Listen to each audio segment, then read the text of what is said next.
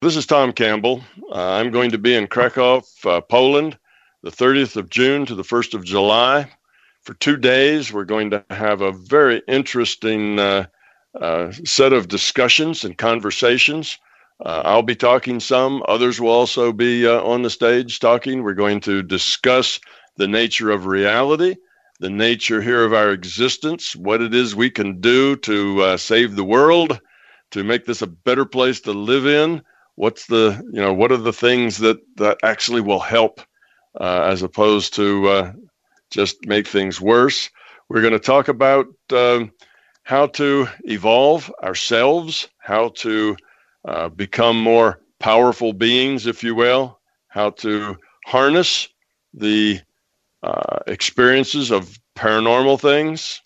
Uh, we'll talk about those uh, whether or not these things are real where they come from do they uh, do they really exist or are they just part of uh, people's imaginations? And what's the you know how do they work? What are the uh, what are the things that the mind can do? What are the things that consciousness can accomplish?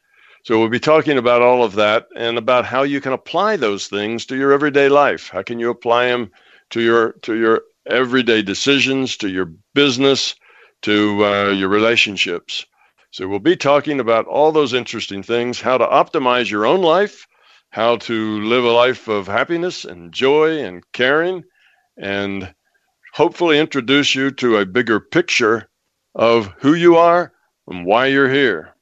So it's going to be a lot of fun. There's going to be a lot of interaction. We're going to have a lot of Q&A so that uh, you can ask your questions and try to uh, find out whether any of this makes sense for you or not. But uh, I encourage you to come and give it a try.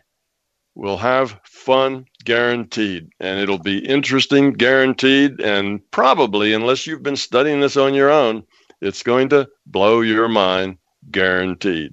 So come join us in Krakow. That's 30 June through 1 July. I think we should start the introduction of uh, Tom because uh, he's not very well known in, in Poland. And uh, I know uh, some people who heard about you and uh, some people who read your books, but um, you are not very um, well known to the public.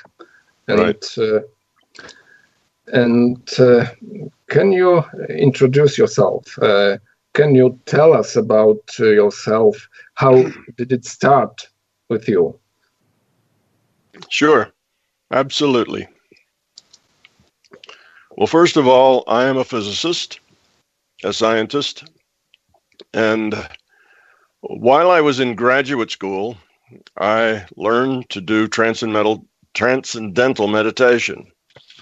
Uh, I learned that not because of the transcendental part, but because the little flyer that told me about it said that you would be able to get by with less sleep. And as a graduate student, that is a very important thing because once you're, I was doing experimental low energy physics, and when you get all the big machinery running, it doesn't, you don't turn it off because you're sleepy. It just goes for day after day. So I thought the transcendental meditation might be helpful. It was a natural for me, and I discovered something very significant about three months later, and that's that I could debug my software programs that I was writing for my research in my mind. I could bring up all the lines of code in my mind, and the ones that had errors in them, that had problems, would be red, and the ones that didn't would be the normal black on white. And I checked that out, not believing that it could possibly be real, and it was.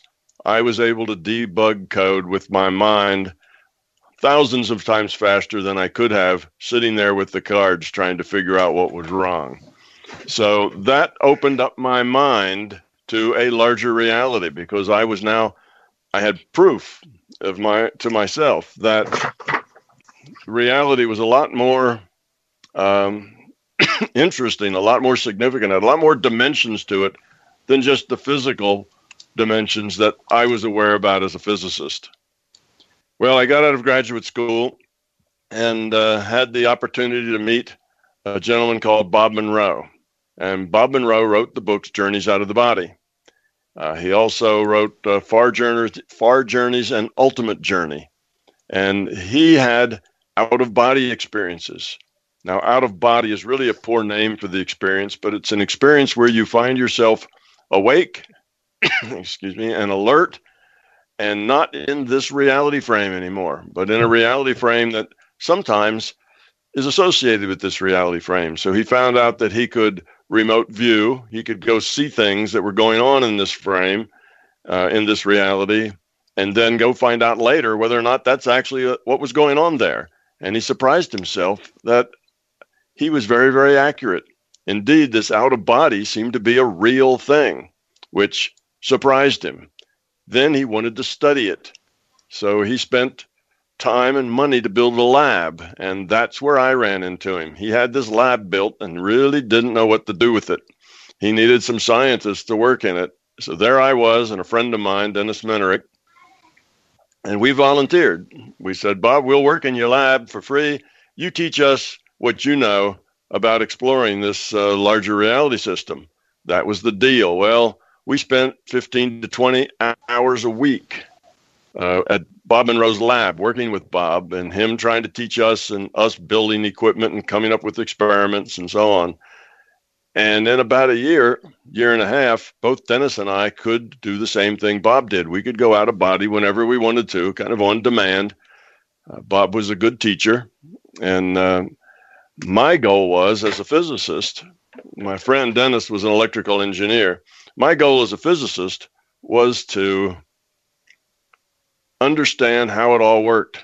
What was the you know what were the what were the conditions that made it work sometimes and not make it work all the time? Uh, what were the limitations? Why were the limitations why were there limitations? What could you do? What you couldn't do? Okay well eventually i thought i understood how consciousness worked and i was really working on a model of consciousness. That was my idea. Although I had learned through my experiments in consciousness that consciousness was fundamental. Consciousness had to be fundamental. It uh, it was the fundamental source, and that our physical reality was somehow a product of that consciousness. And I didn't really understand how in a very clear way, but I knew that consciousness was the fundamental thing and the physical world was a subset of that or even a creation of that in some way. So i finally got the book written and it was a theory of consciousness. And because it also uh, was a was a superset of of the physical world it was also a theory of everything. But i didn't really understand its connection to physics at that point even though i'm a physicist and i should have gotten it before anybody else but about two years after I'd published it, somebody said something to me that just triggered an aha moment. And I realized that the same understanding, the same principles that um, that created or that made this this um, theory of of consciousness also could explain quantum mechanics. It explained the double slit experiment and all the rest of quantum mechanics. And that uh, hit me like a ton of bricks. It says, wow, I didn't know that it would be that direct a connection between this uh, model of consciousness and the model of the physical reality. But there was. So then I thought, well, if I can explain quantum mechanics rationally, where other physicists couldn't, other physicists just said quantum mechanics was weird science. You couldn't understand it. It wasn't logical. It was beyond our our knowing, beyond our logic. Um, I could explain it with my consciousness theory and it was just logical like any other science. So then I thought about relativity. That's the other big thing in physics. And it only took me a few hours to see how relativity could be explained with my theory of consciousness. Um, the thing that, that makes relativity, or the, the underlying assumption under relativity, is that the, that c, the speed of light, is a constant. Once you understand why the speed of light is a constant, then deriving special relativity is just some algebra. It's not even very complicated math. And once you have special relativity, then it gets more complicated, but basically, general relativity just adds gravity to special relativity. So I here I had the basis for physics for relativity and quantum mechanics in a theory of consciousness. And that was because my theory of consciousness was based on the idea that consciousness is information. And that makes sense to people because, you know, what is it that you're conscious of? Well, it's what your five senses bring to you. It's what you see, what you hear, what you smell, what you can touch, what you can taste. That's what creates your reality. That's just information. And it's not only just information, it's discrete information. It comes in chunks, little uh, uh, voltage pulses that run down your nervous system. It's all discrete information. So reality is information consciousness is information. Okay, so uh, with that understanding, I began to look at all of the things in in uh, physics that were called paradoxes. There were a lot of paradoxes in physics. There are dozens of paradoxes in physics, things where the physicists just run into a wall where they can't understand it. They just don't uh, they just don't know uh, why things work the way they do. They know that they work a certain way. They can make experiments to tell them that, but they don't know why. And I was able to answer all of these paradoxes, like how does tunneling work? The Zeno effect. Uh, where did the uh, ball of plasma come from just prior to the Big Bang? You see, all of that is paradoxical. There's no logical uh, reason for that. There's no ways to explain it. But with my understanding of consciousness and that it was an information field, I could understand all the paradoxes in physics. So I uh, eventually realized that I can uh, explain physics uh, with this uh, with this theory of consciousness. That uh, it's not only a good model of consciousness; it's also a good model of physics and of science. So I started looking for paradoxes all through science and through philosophy and through theology. And I found that all of these paradoxes would yield to the same understanding, the same, uh, the same logical process would provide good, uh, logical, scientific answers in all of these fields. So at that point, um, I started doing more science in my in my videos in my uh, YouTube because the books had already been published. I went back and put a little bit of that science back in the books, but not too much because I wanted to keep the books uh, available and readable by everybody. I didn't want to do too much physics in, in the books, but in the uh, YouTube, I put more physics in. And then about uh, let's see, October 2016, I presented a set of, I think about 17, 18 uh, physics experiments that, uh, if they were done, would lend an awful lot of very strong evidence toward this being a virtual reality, to our reality being a virtual reality, that is, an information based reality. And they would also point very strongly to the fact that consciousness is the computer. See, a, a information based reality has to be computed. You have to have a source of the information. So the computer then is consciousness. So I now have these uh, these uh, long or this large group of science experiments of quantum physics experiments that uh, I'm trying to get done by a very uh, reputable uh, physics department and a very reputable university, and they I think will demonstrate the uh, truth or the veracity of what it is that uh, I've been saying and of the uh, model of consciousness and of the kind of new way of looking at physics through the eyes of a computed virtual reality. So that's kind of a, a story of, of you know how a physicist ended up being a consciousness researcher. I spent uh, probably an equal number of years in both in both uh, camps. I spent now about 40 years doing physics and about 40 years doing consciousness research. And the result is a, a, a TOE, a theory of everything, that explains in logical detail how consciousness works. It makes things that that uh, we call paranormal just normal for the most part. Uh, it explains these things that uh, researchers have found. You know, remote viewers have verified that they can indeed remote view, and people have verified that there is a telepathic connection and that you can heal with your mind, and all of these things that are that are, are known to be facts but are dismissed by science because they can't be explained materially. They can all be explained as very natural phenomena from a virtual reality viewpoint. Once you understand that this this reality is information based, all of those things just fall out as natural occurrences. Okay? And the fact that sometimes they work and sometimes they don't, that falls out as a natural occurrence too. There's good logical reasons for that sort of thing. So there's this larger um, understanding, this bigger picture of how our reality works that solves uh, the outstanding problems that we have even in theology. Okay, it gives us a, a, a idea of who we are, why we're here, what our purpose is, uh, the function of this reality, why the reality exists, and that helps people understand who they are, why they are, and what they're supposed to be doing. And now that's kind of on the on the technical side. Then on the personal side, this theory helps people understand what they need to do, what they need to become in order to make their life positive, happy, full of joy. Um, so it turns out that this this reality we're in has a has a purpose, and that purpose is for us to evolve the quality of our consciousness.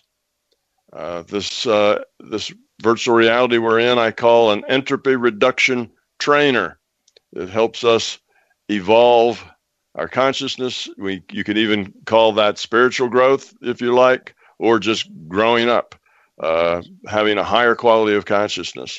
So that's what it's about. And if you do that, you find that all the issues and problems and struggles that you have, the all the negatives, the fear, the anxiety, the um, stress, the disappointment, all of the stuff that's a, the negative stuff in your life disappears, goes away, and your life becomes one of happiness, of joy, of caring. It's a very positive life.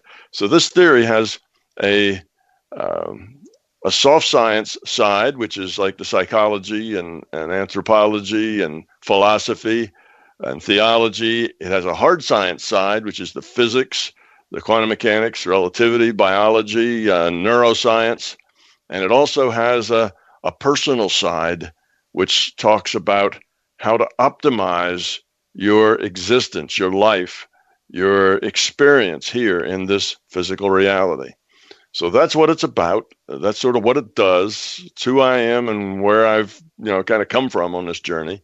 And though it takes hours and hours to explain this theory in logical detail, you know, to make it uh, sound like the science that it is, uh, I assure you that there are, you know, logical and scientific and uh, um, precise derivations of all the things that I've just said. Uh, it's uh, it's not just that I make these things up and that they sound good, and I say them because people like to hear them. It's that I can derive these things logically from just two assumptions. One assumption is that consciousness exists. The other is that evolution exists. Evolution is simply things change according to their environment. Uh, things that work uh, go forward. Things that don't work become extinct, go away. And with just those two assumptions, all the rest is logical derivation. Following the logical uh, steps that come here, I'd like to look at, ask you a question which would be related to the, well, radio paranormalium, or rather the layman in the street. Yes, the average listener who, who encounters your theory for the first time. What's in it for the average person? What can one, an average person, gain from what you are saying, uh, from the theory? Okay, what the average person can, well, there's a lot of things the average person can gain, but probably the most important is that they can gain uh, their life back. They can gain happiness. They can gain uh, satisfaction in their life. Their relationships will all get better. And that's all their relationships with their with their spouses, with their children, with their boss, with their neighbors. All of your relationships will get a whole lot better. You won't be um, angry. You won't be upset. You won't be dissatisfied. Your life will be one of happiness and joy. So that's a pretty big positive of what it could do for an individual. Now, there's those things that uh, will occur just because you start growing the quality of your consciousness, lowering your entropy. But there's other things too. You will find out that as you grow up, your decision space, and that is all the choices that you can make. Uh, we have free will. We get to make a, uh, we, we get to pick a choice from among many, many possibilities. Uh, that's one of the things we humans have maybe better than any of the other critters on this planet is a very large decision space. There's a lot of things we can do, a lot of ways we can react and interact, things we can build. And with all these choices, what matters most is is the quality of the choice that you make. Is it a choice toward growth and evolution, or is it a choice toward de-evolution and basically coming apart, uh, becoming less rather than becoming more? So as you as you grow up, your decision space gets bigger. Your reality gets bigger. You start to live in a larger space, a larger reality. Now, what does that mean? That means that you live in a in a bigger picture. You see things, understand things. You can understand oh, you can understand where people are coming from. You can understand their emotions and feelings. You can understand uh, their thoughts. If you want to, you can even, you know, experience uh, the flavor of the food they're eating. You know, you can experience, uh, you can get inside their head and see the world through their eyes, the way they see the world. You can explore their their uh, their viewpoint. So that's just part of the information. Now that gives you more choices. You also are have accesses to information that's collected in the process of creating this virtual reality. I just call those databases. There's a probable future database and there's a past database.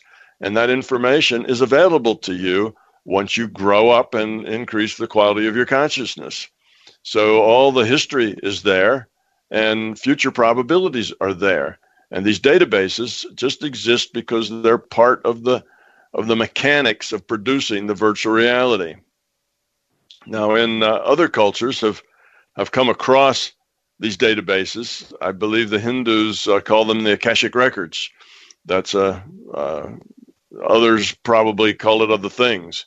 You see, you get to this uh, this understanding through the exploration of inner space as opposed to the exploration of outer space. When you explore outer space, it's very, very expensive and hard to do. Exploring inner space is something that every human can do. Actually, every consciousness can do if they have an interest and if they're persistent and and uh, take the time to explore it and study it. So it's been done in all cultures and all times. You know, you have uh, in 2,500 years ago, the Buddha said that our reality was an illusion. Well, that's as close to saying that it's an information based virtual reality as you can get 2,500 years ago. You know, the concept of virtual reality didn't exist, but the concept of illusion did. So many people have explored inner space throughout time, probably in every land, you know, at, at every time there's some number of people who, through exploring inner space, have come to the very similar conclusions that I have come to. The big difference is, is that they didn't have the concepts to turn this into science, to make it a logical process. It for them was just unknowing information that they got and understood, and then they had to express it best they could to the people of their time. So we find all the historical results of explorations of inner space are basically poetry. You have to interpret them. People who haven't had the experiences have to read them and say, gee, what does that mean? You know, and uh, well, it could mean this, it could mean that. There's lots of ways to interpret things. So it's not really factual. It really wasn't scientific. It was more uh, descriptive than scientific, kind of describing my experience and what it meant to me, kind of a thing, very uh, uh, non objective, uh, completely subjective in its narrative. What I bring to it is I end up discovering the same things. I ended up discovering the same things that most of these other uh, people who have explored the larger consciousness system have found. But I do it in terms of logic and within a model that is scientific and logical that anybody can follow and see the logic in it. It's not poetry, it's not open to interpretation, it's just the way it is. It's kind of factual, logic based rather than poetry based. So that's the main difference. So there's a lot of things you get from growing up. Um, here's another thing, or a lot of things you get from you know following this this path. Uh, another thing is that um, you can now, uh, as a beginner, you can learn to meditate, and that meditation will help you let go of this physical reality and therefore become aware in a larger reality, which is, of course, the consciousness reality. And that's a good process to do, and it helps get you acquainted with your with your own consciousness, which is step one. But as you grow up, as you raise the quality of your consciousness, you don't really meditate anymore in a formal way your life becomes a meditation.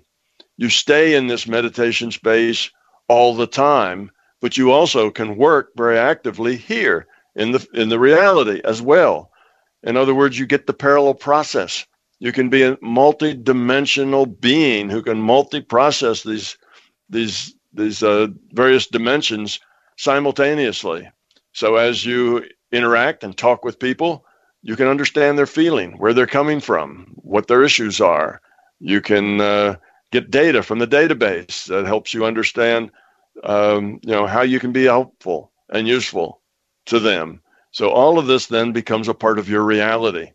Uh, the you know the the paranormal things that you talk about, the remote viewing, the abilities to heal, the abilities to get information that's in the databases all of these things become just a natural part of your everyday life. The thing, the way you deal with things. But in order to get to the point that that's true, that it's just a natural part of your everyday life, you've got to raise the quality of your consciousness. If you approach this with ego and with belief and with fear, you're not going to get there. So you see, you have to grow up toward becoming love, becoming caring about other, about cooperation, about caring about how you interact with people and what you leave behind. And when you develop that part of you, now the reality gets bigger and bigger and you get more and more information and you can you can interact with it at a at a level that's at a, a much larger reality that you live in, that you experience than the normal person experiences. So that's that's really what's different. So if a person wants to take this path, you know, what is it that they might gain? Well, they might gain happiness. They might gain good relationships. They might gain uh, uh, a lot of in, inside, if you will, and put that in quotes, inside uh, information about how the world works, why it works that way, and how individual people work and why they're working that way. And all of that becomes an available thing. And yes, you can learn to heal you can learn to remote view. All those things become easy things to do once you increase the quality of your consciousness. Whereas if you try to just force yourself onto those things, you can still do them a little. You can learn the techniques, but you'll never be real good at it, nor will it ever integrate into your larger reality unless you just grow up. So that's kind of the the kind of the sail the the fail safe connection. If you are doing this for purposes of your ego, and uh, to take advantage of people, then you'll never be very good at it. So it really won't help you that much. Uh, if you're doing this to serve people, then you can get very good at it, but you only use it to help people. So there's a, it's kind of a, a, a system that is self uh, policing, if you will.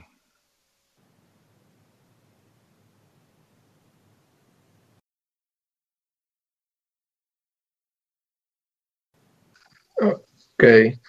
Uh, so uh, you said that um, when we uh, grow up, uh, the entropy uh, gets reduced. Yes. And uh, yes. And can one's uh, reduced entropy mm, affect uh, another one's entropy? Yes. Or, and how how it uh, happens? Uh, uh, what is the mechanism of this influence? Okay, there's several mechanisms involved. One of them is that we are all netted, all individuated units of consciousness, which is what we are. All of us are netted, and we just like uh, being netted on the internet. You know, on the internet, you can you can click on URLs and become connected to somebody uh, that's netted with you on the internet. You're on the internet, they're on the internet, but in order to make the connection, you click on their URL. Well, within consciousness, we're all netted and we share in information and data all the time, but you open and close the connections by with your intent.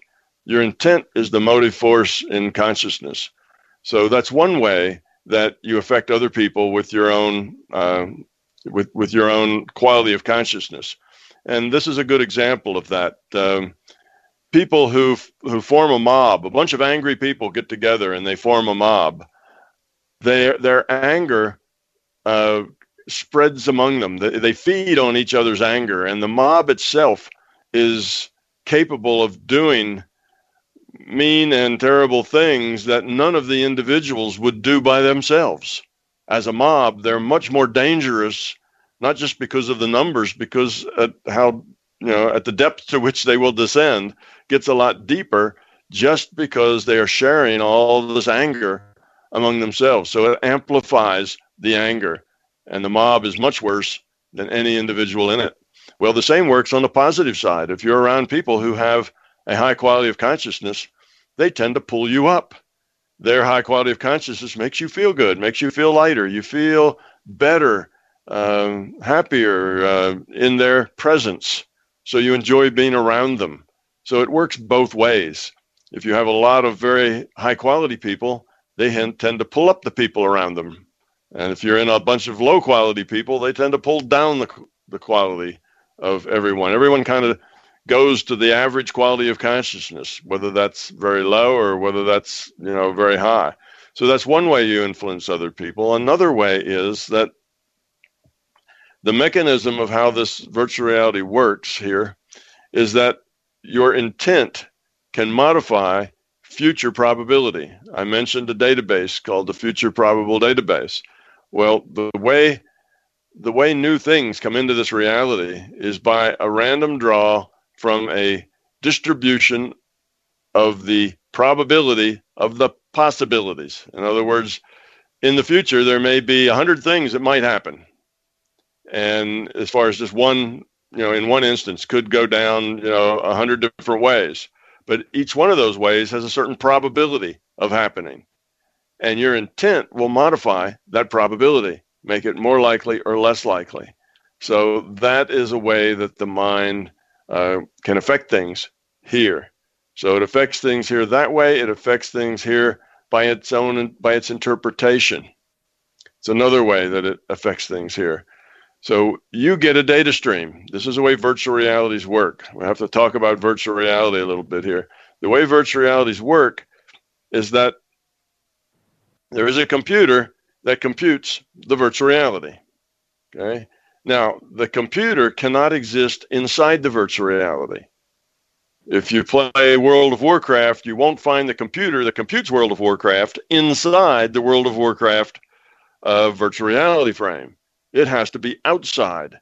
Okay, if, uh, re- reality can't compute itself, so the computer has to be non-physical from the viewpoint of the virtual reality. So, from the viewpoint of the elf, the computer that computes that elf and that elf's reality has to be outside of that virtual reality, which of course we know that's the case. Also, the consciousness that makes that elf's choices also has to reside outside of that virtual reality. The consciousness can't be in the virtual reality because the virtual reality is just information. It's just ones and zeros on a hard drive. Ones and zeros on a hard drive aren't conscious. Your Word documents aren't conscious. They're ones and zeros on a hard drive as well.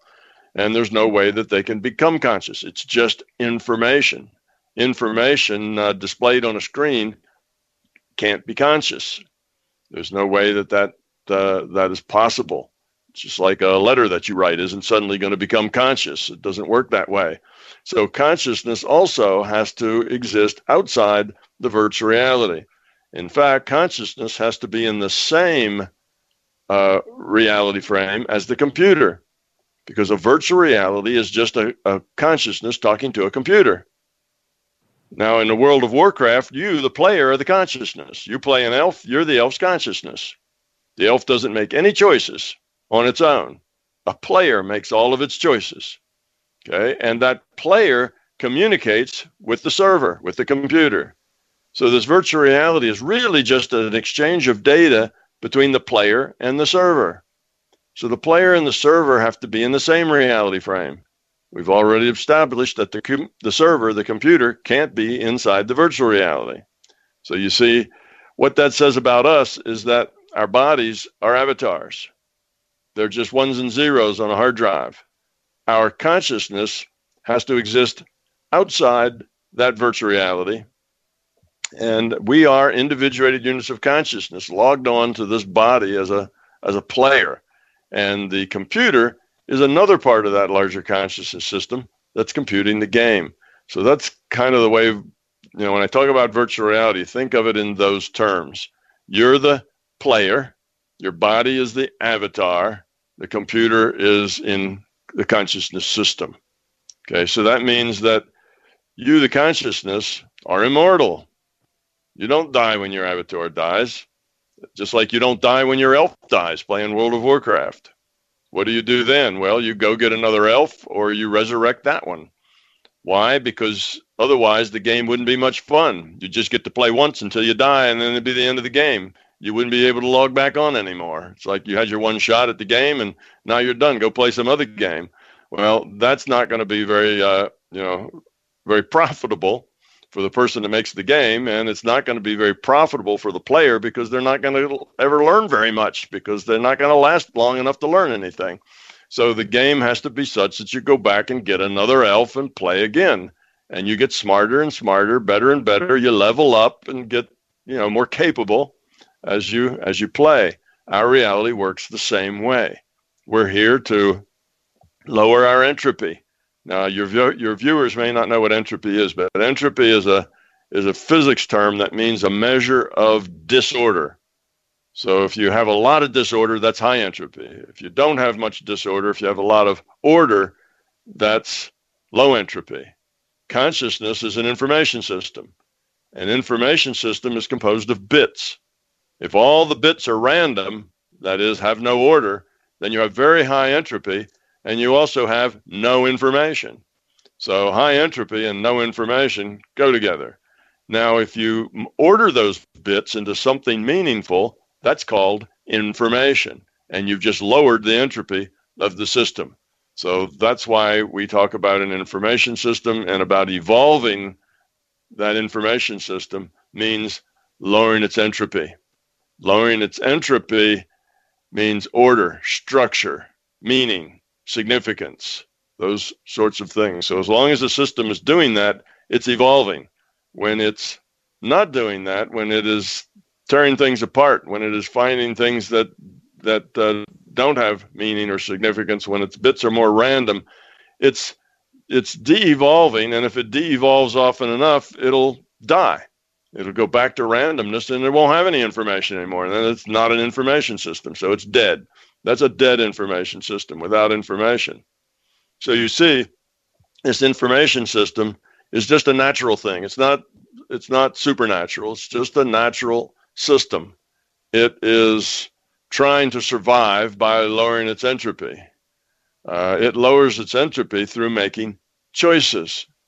What it does, what in what consciousness does, is it shares data, shares data back and forth. That's really all it can do. Well, how do you lower your entropy through sharing data? It's not easy. There's not a lot of consequences there. There's not a lot of choices that mean much there. There's, it's hard to really construct something that that works together. So when you have a social system like consciousness, which is the main, you have this main system that's part of the computer and you're a part of it. You're the IUOC, the individuated consciousness. And altogether, all these IUOCs, individuated units of consciousness, form a social system, okay, with the larger consciousness system. And the social system is trying to evolve its quality, to evolve consciousness to higher orders of organization, more organization. Well, there's two paths that you can take to do that. There's two paths that you can take to, to evolve. There's lots of paths, but we can break them into two types of paths. One of them is the path of cooperation and caring, where each individuated unit of, of consciousness is trying to, to uh, optimize the whole system. It's about other, it's about all of us, not just self. Okay. That is a way that optimizes the interactions between consciousness. And I can give a little example of that if you don't want to go deeper into it. Otherwise, you have the fear side, which is so that's the love side, or you have the fear side. And on the fear side, you don't have trust. Without trust, everybody has to be for themselves because you really can't trust what somebody else is trying to do. Um, when everybody's out for themselves, basically you want to grab as much as you can get and then you have to figure out how to hold it. Well somebody else is bigger and stronger than you can take your stuff away from you. So what do you do? You gang up with other individuated units of consciousness and to in a mutual protection packs. And now people can't take stuff away from you because there's 10 of you together you see? And then other conscious group up into such packs and then those packs grow and eventually you'll have a a small number of very competitive groups that are all basically warring with each other. They they're what they say is that their defense groups just want to keep others from taking their stuff, but really they want to take other people's stuff whenever they can. That's just the nature of a of a low quality consciousness, you see. So we have the fear group that sounds a lot like the place where we live, right? Where eventually those groups are very hierarchical because it's all about who controls who and who's loyal to who. So it's a big hierarchy and as far as the organization goes. And you have what five percent of those that are on top own 95 percent, you know, of all the resources. That's how that ends up. Whereas on the other side, the love side, everybody's trying to help everybody else do and be what they want. You have a maximum amount of, of uh, choice, maximum amount of freedom, and you optimize what you do with your resources because everyone's there to help everyone else uh, get what they need. So if you have a need, everybody else is going to try to help you solve your problem and help you work with with your need. So that optimizes it for everyone. So that's I've kind of rambled through this now, just trying to give a an idea of of uh, you know how it, how it works. Um, the fact that there are many things you can do. Your reality gets bigger uh, as you grow up. You can affect more things. You have a bigger decision space, and you have availability of information and data that otherwise you wouldn't have because this data resides in consciousness and you have to get into consciousness in order to retrieve it. The data doesn't reside in the in the virtual reality. So, does that help uh, shed any light on, uh, or did I talk too long, or does that uh, does that tell you what you wanted to know, Paul? Yes, I think yes. Uh, this is a um, quite big uh, topic to explain uh, how um, one's uh, consciousness affects another one's. I asked um, about the entropy and how this um, ordered entropy uh, affect um, another person's entropy because in context of um, global consciousness, how um, a group of people in the earth can affect changes in global consciousness. Okay. Uh, like I said, we uh, we're all netted. So we have this thing called collective consciousness. And if you are if in your mind you have an intention that you are a member of a group, then you kind of log on to the collective consciousness of that group. And the that group will change a little bit because of your consciousness now being added to it.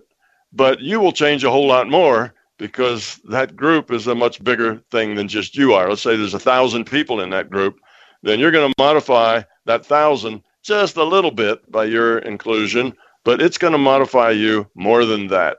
So a collective consciousness exists in any group that you feel like you belong to. At the very lowest level, it might be just a family, or it might be uh, the place where you work. You know, they call that the culture in the workplace. That's culture is a collective consciousness, or it could be a nation, or it could be the you know the whole world. It could be all of humanity. It could be racial to to humanity. So we have these collective consciousness, and they they help. They give us attitudes. They give us uh, ways of thinking. As we're as we're part of this collective, we tend to think like the other people in the collective, just like we talked about the mob or the bunch of uh, you know learned uh, uh, people who have high quality consciousness. They tend to to pull all the people toward an average way of being. So this collective consciousness exists in many many forms, many places. It's what we call culture when we talk about nations. But now, how do we influence that? Well, again, if we have a high quality, we help pull up everybody's quality. The more people who um, who raise the quality of their consciousness, who become cooperative and caring, then that helps other people become cooperative and caring. It helps pull them up. You help pull up your groups, the groups that you were in, all move a little bit because you've grown up. So the most the most fundamental thing, the most important and powerful thing we can do to change the entire world is to change ourselves, is to grow up, get rid of our fear, get rid of our ego, get rid of our beliefs. The, all of those things are the things that, that keep us in a low quality. So as we get to be higher quality, we help pull up all those around us. And as they raise their quality, they'll pull up everyone around them. There's no way to there's no way to uh, to directly change somebody else. You can only change yourself. You only have control over yourself. So we think about the world and how can we change it? How can we make it a better place? And mostly we don't look at ourselves. We look out at the world and we say, oh, okay, these politicians, these are bad people. They need to go. Oh, these corporate owners, these big, you know, multinational corporations, they're they're you know cheating and stealing. You know they're doing all kinds of things that aren't nice and aren't ethical uh, to make more money, and they need to go. Well, all of those things are just symptoms. You know, another symptom would be like monetary systems. You know, that's another system. Politics, you know, it's another symptom. The way our politicians don't seem to really be so interested in our welfare as they are in their own. So all of these are symptoms of a low quality of consciousness. And if you go and fix those, if you get, change those corporate leaders, change those politicians, change the people who are in charge, change the economic system, and you will have changed a symptom. Now, changing symptoms is nice. Everybody may feel better for a while while that symptom uh, is is not so uh, nasty, but it's only a symptom, and it will eventually go right back to the way it was because it's a symptom of the collective quality of consciousness of we the people. So, this world that we live in is a very accurate representation of who we are. This world is one we create. So, we, we create it with our intent so that it reflects us. Remember, you can modify future probability with your intent. So, the future we're, you know, what we're living in and the future we're going to live in tomorrow is there because of the way we are. So, if you want to change the world, the most important and significant step you can take is to change yourself, to grow up, get rid of the fear, get rid of the, the ego, get rid of the beliefs. And that will help the whole world grow up. And we have to do this one person at a time. There's no way that you can just change people. But we affect other people and make it easier for them to change themselves as we grow up we just pull other people up with us. Just like as we de evolve, we drag other people down with us. It works both directions. So that's that's how we can save the world. That's how we can change the the um, attitudes from fearful attitudes and, and greedy attitudes to attitudes of caring and attitudes of cooperation. We have to change ourselves first. And we can see that in our history. Look at all the you know the the dictators that have been overthrown, the oppressors that have been gotten rid of. And what do you end up with? You end up with another system eventually that's also oppressive. You know, because our quality is low enough that what we generate here is institutions that are oppressive, institutions that are not really out for the people, but they're out for their own for their own sake, for their own uh, power.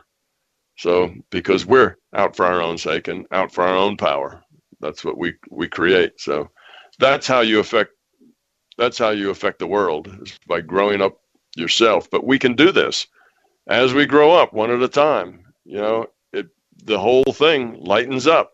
The whole thing gets better. So I know it's hard to imagine that, you know, one person can change the world, but the only way we can change it is through everybody growing up, everybody becoming love, everybody caring about other people. That's the only solution. There is no other solution. You can maybe come up with a kinder economic system, a kinder um, solution to money. You can do all these things, but eventually, if you don't grow up, those things will become corrupted.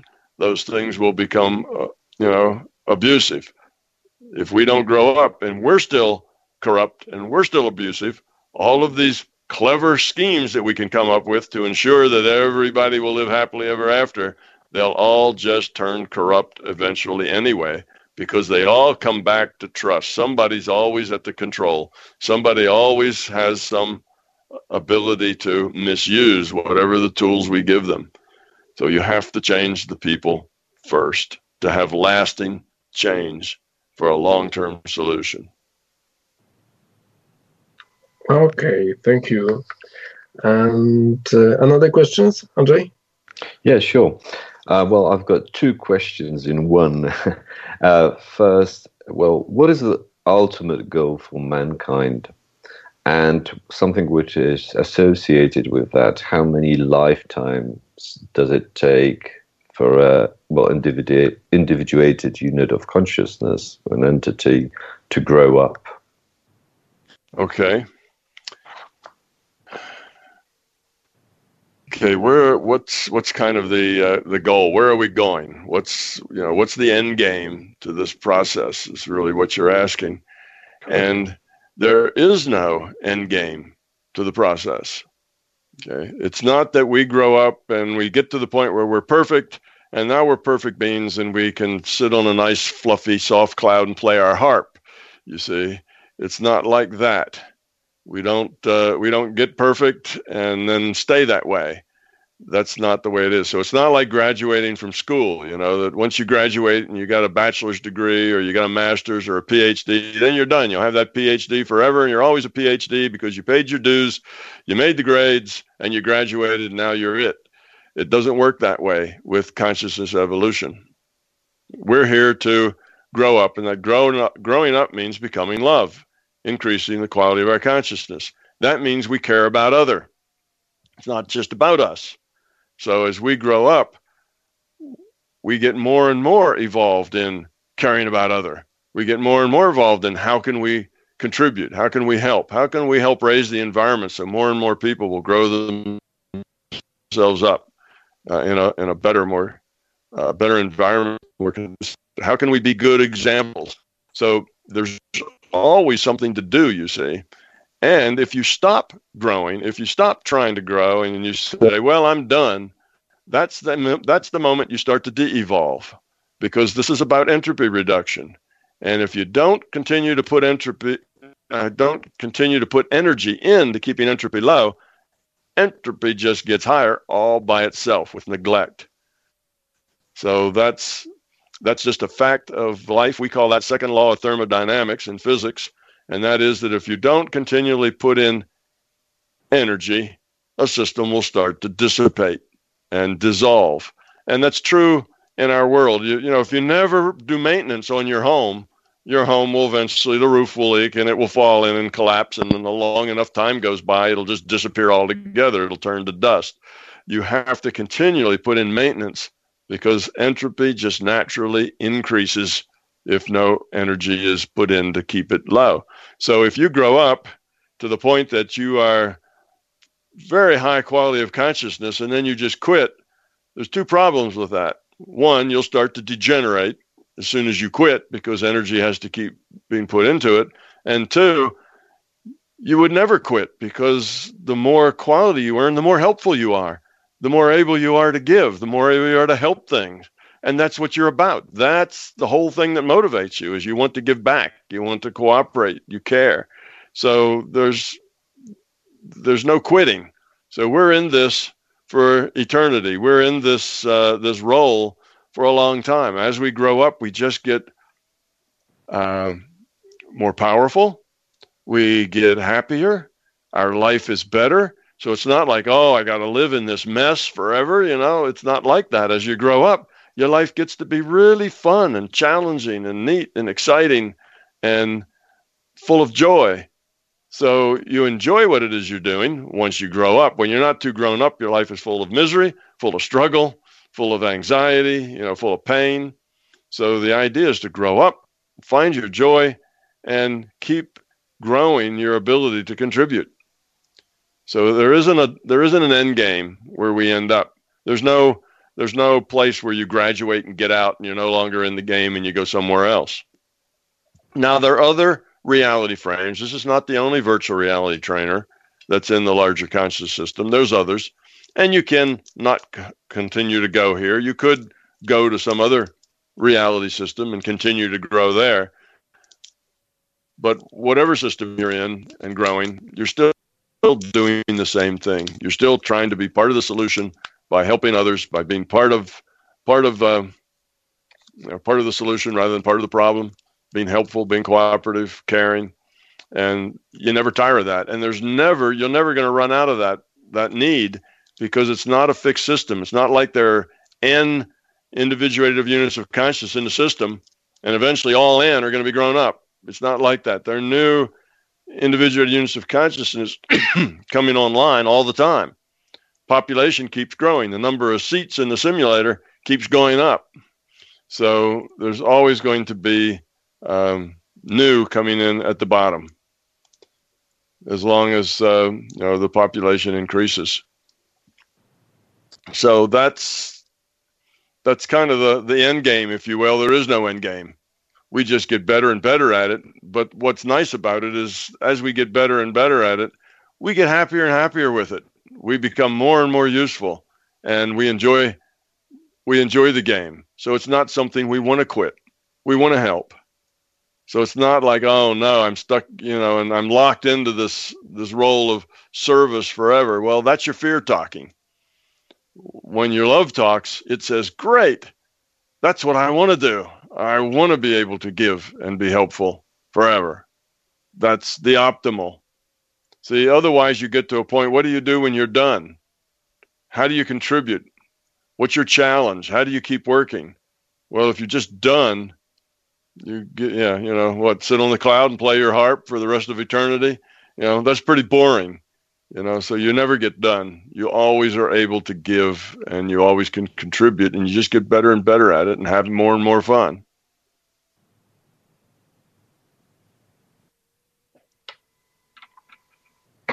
okay so Andrzej, do you have any questions another question Yes, and probably another one which comes along, and probably uh, a question that the listeners would ask would be uh, the issue of re- what is called uh, reincarnation. Uh, can you elaborate on, on, that? That people, so that uh, the listeners understand that this is not a one go, but it's a repetitive process. Okay. Uh, what I've already said is that we're learning here. Okay, the point is to grow up, which means to learn, to become more. Learning, by its nature, is a cumulative process. You don't just, you know, you can't get into third grade until you've been through first and second grade. You know, you don't get into college until you've been through high school. it's a cumulative process, and you can't you can't learn in a parallel process. Going to going to uh, first grade, ten people all going to first grade, and then you take all ten of those people through first grade and get their all their knowledge summed together is not at all the same as one person going through 10 grades in 10 years. So they go through first grade, second grade, third grade, all the way up through 10th grade.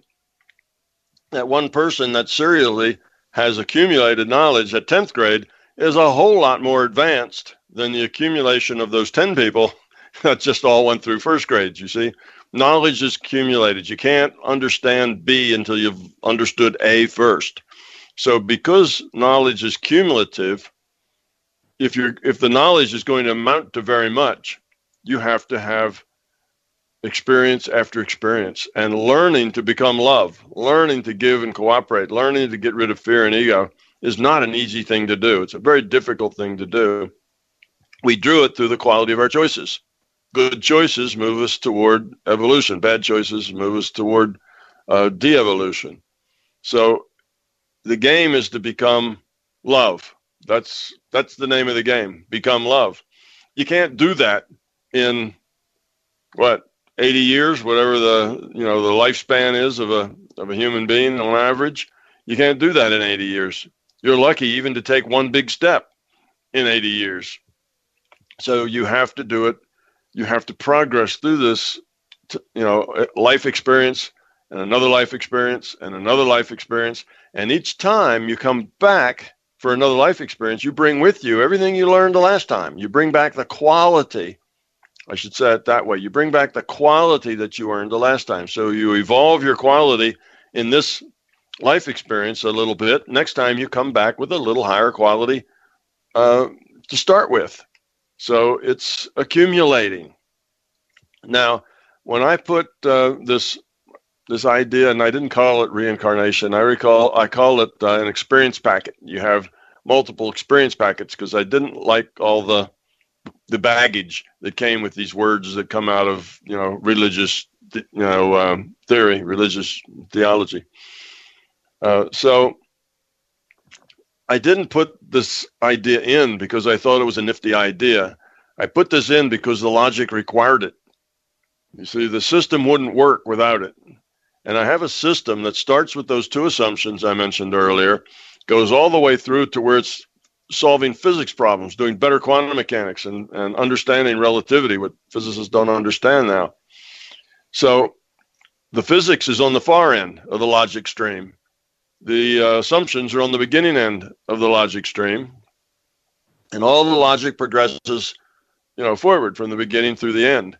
Well, this this um, idea of of um, rebirth, of more of of uh, serial experience packets, was necessary. Part of that logic, that logic stream would have bra- would have broken if it wasn't for that. So that idea had to go there so that we could end up doing better physics at the end. You see, otherwise we couldn't have gotten there. So it's part of the logic of the system that says we're here to learn. We're consciousness.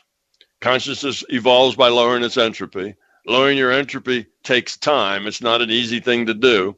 That requires multiple lifetimes to do that because in this virtual reality, the rule set in the virtual reality only allows the avatars, at least now, to live to, you know, let's say 80 years old on the average. So that's all the time you've got in that one experience packet. And thousand years ago, that uh, that average old age was like 35 years old. You know, hardly anybody back in, you know, a thousand years ago, 10,000 years ago, the average mortality rate was probably about 35 years is when you died. Uh, people who were 40 years old were old. they were they were ancient almost, and people who in their 70s and 80s almost never existed. People didn't live that long you were bound to get an infection or get something, and there was no medicine that would fix you. You know, you just you got stuff, you died from it. Uh, life was very hard; it tended to wear out the body. Um, so, the reincarnation is a logical piece of this larger science that has to be there, not a something I added because I believed in it or liked it. And the whole theory is that way. The whole theory is just what's necessary logically to get to the you know to get to the end, to get to the part that you can verify, like these these physics experiments that I'm doing at the at the far end. So that's where that comes from. It's a uh, necessarily logical piece of the whole thing. It, it's it's needed in order to uh, make the theory fit the data points. You see, what a theory needs to do to be a good theory, it has to fit all, fit all the existing data points. Now, the data points are what we call facts. Mostly facts are things that experiments determine. You know, the experiment goes on and says, this is how the world works. That's a fact. We've done this experiment and done it a bunch of times, and that's how the world works. Now, that becomes a fact. And your theory has to explain all the facts. It can't explain almost all the facts. That won't work. That means your theory is incomplete. It has to explain all the facts that we know. Okay. Now, because I studied and did research inside of consciousness, I have another whole set of facts. I've got all the physical facts that have to be met, data points that have to be explained, but I also have a whole set of points that I discovered and learned about inside of consciousness. So that I know are also facts because I've done the research there. I know these things work this way. So my theory had to also fit all of those facts. So I needed a theory that was logical, one logical, elegant theory that would fit all the facts, the ones in consciousness and the ones in the physical reality. And that's what this my big toe is. It's a it's a logical theory, and that uh, reincarnation is a is an inevitable, or you might say, you know, a logical necessity for the whole thing to work. And it makes me feel good that I can do better physics out at the far end of the logic stream and get the right answers. Because if my logic was flawed back upstream further, it's unlikely I'd be able to get right answers at something as specific as physics problems. So it gives me some uh, warm feeling that the logic is right because it works. It works on the far end in the detail. And that would be hard to do if you had any major problems, you know, upstream in the in the logic. So that doesn't mean my theory is perfect. Theories have to be living things. You have to be able to change them. New information could come that, you know, brings up things that the theory wouldn't fit, a data point, a fact that, it wouldn't uh, explain. And in that case, uh, the theory either has to expand or you have to get a different theory. So it's not that theories should be seen as facts or laws. They should only be seen as, as models. It's the way you model reality. And the model has to be flexible so that it can it can deal with future knowledge, future facts. So far, as best I can tell, my theory fits all the facts. I haven't found a fact either in consciousness and in, in, neuroscience, you know, in physics, in biology. I haven't found any fact that uh, is contradicted, you know, by the theory. So, so far so good. But I'm still looking for things. It's not that I believe that there are none. It's that I just haven't found them yet. You frequently say that it is your theory and everyone should work their own theories. Is that yes, correct? that's right. I do call it my theory because it is. It's what I came up with from my own experience to explain the things that, you know, the facts that I was able to find in my existence here, both physical and non physical.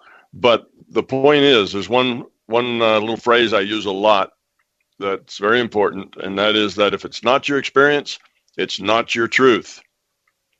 If it's not your experience, then don't accept my experience as truth. This theory of mine, I, my big toe, is just a place to start developing your own big toe. Because if you can't verify what I say from your own experience, then you need to work on that. And it's not that hard to work on. I give training courses. I just gave three of them in France uh, in the month of March about how to explore the larger conscious system so that you can you can uh, experience personally some of the things that will verify for you that this reality is like I describe it to be. So when it becomes your own experience, then it's a fact. Up until then, you should be skeptical. Another thing I tell people is be open minded, but always be skeptical. And the person you need to be the most skeptical of is yourself. Always be skeptical. So when I give a talk, at the end of every talk I give, I usually say, don't believe a word that I've told you. It's not profitable to believe anything. Don't believe anything. You should have no beliefs. Beliefs are problems. When you believe something, you're no longer open to things that are contradictory to that belief. Things come in that contradict your belief, you just throw them away. Oh well, that must be wrong data, or that you know that's that's an accident, or those people don't know what they're talking about, or it's some fluke you just make up excuses and throw away everything that disagrees with your belief. So that's what scientists have been doing for the last hundred years. Every time they do a quantum mechanics experience uh, experiment that tells them that materialism isn't right, can't possibly be what the world's based on, they just toss it aside because they have this belief in materialism. And they said, "Oh yeah, that doesn't make any sense, but um, it's just weird science." you know, maybe it won't ever make sense. Maybe it's one of those things we were just meant, never meant to know, and it, they'll never know it. But it's just weird.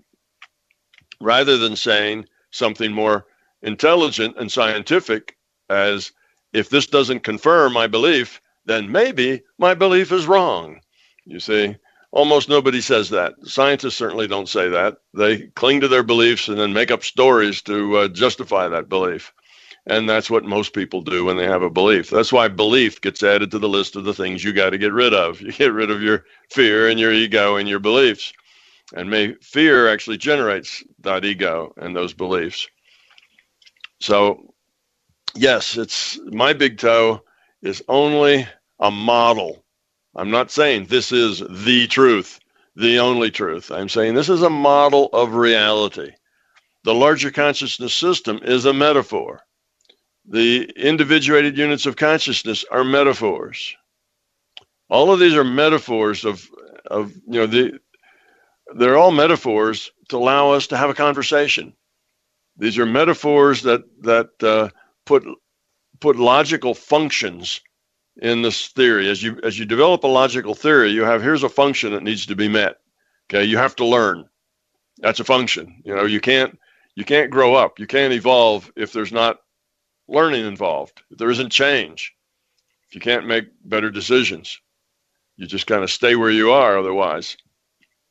So, because learning is a function that's required, then you put that in and to the to the uh, model, and you give it a name. You give it a you know you give a metaphor to uh, to represent that.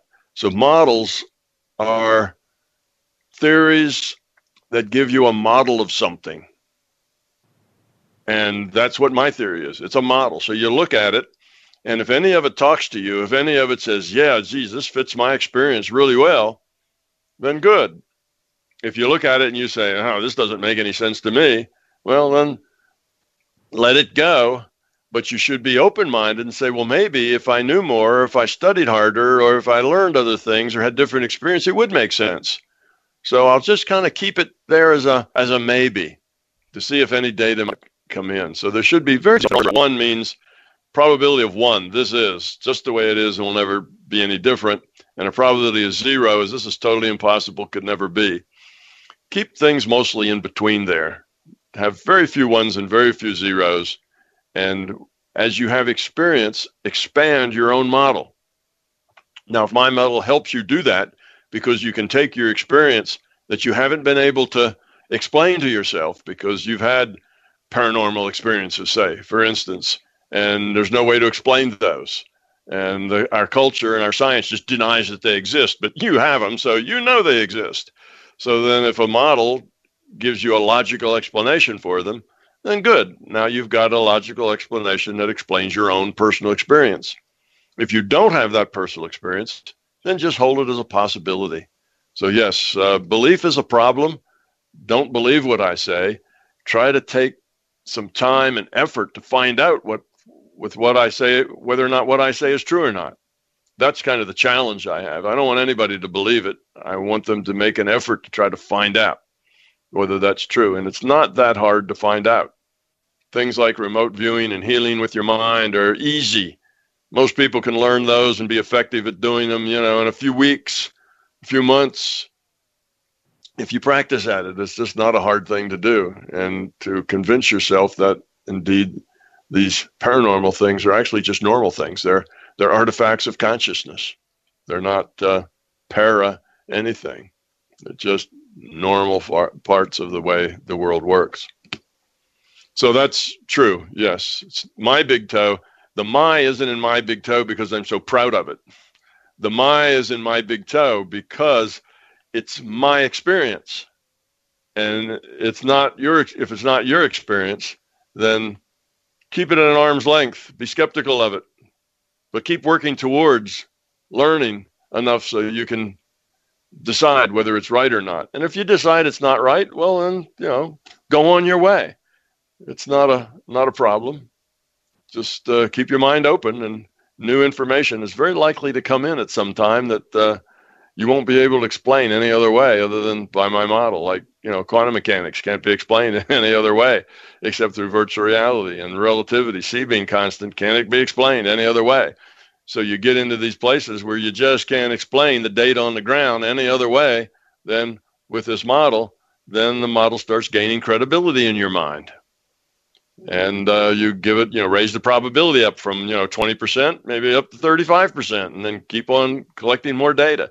That's the way you have to deal with information in your life. If we just jump to conclusions and come to beliefs, we'll never grow up because we'll never let any new thoughts in ever. We are, I mean, human beings are trying to de- develop and move forward. We will, we live in a world that is filled with fear. How can an average person living in this world, in various societies, different cultures, embark on the on the journey to reduce the level of fear? Okay. Yes, most people are up to their eyebrows in fear and they don't know it. They have fears. They may know one or two of those fears, but uh, they have mostly no idea the level of fear that informs most of their choices. So, first, uh, let me tell you how you can tell that you have fear and what those fears are. So, the first step is kind of locating the fear. Uh, it's hard to do anything about it until you until you uh, find out what it is. If you are in, ever experiencing negativity, if you ever feel unhappy, if you feel like you're in an endless struggle, if you get angry, upset, annoyed, frustrated, if any of those things are experiences of yours, then you have ego. You wouldn't feel that negativity if you didn't have ego. Okay, now the ego is easy to spot because it's just associated with negative feelings. So if you have a negative feeling, you have ego. And if you have ego, you have that ego because of fear. Ego is a product of fear. So let's say you feel angry. Somebody does something, uh, you know, somebody uh, belittles your contribution that you've made and you get angry.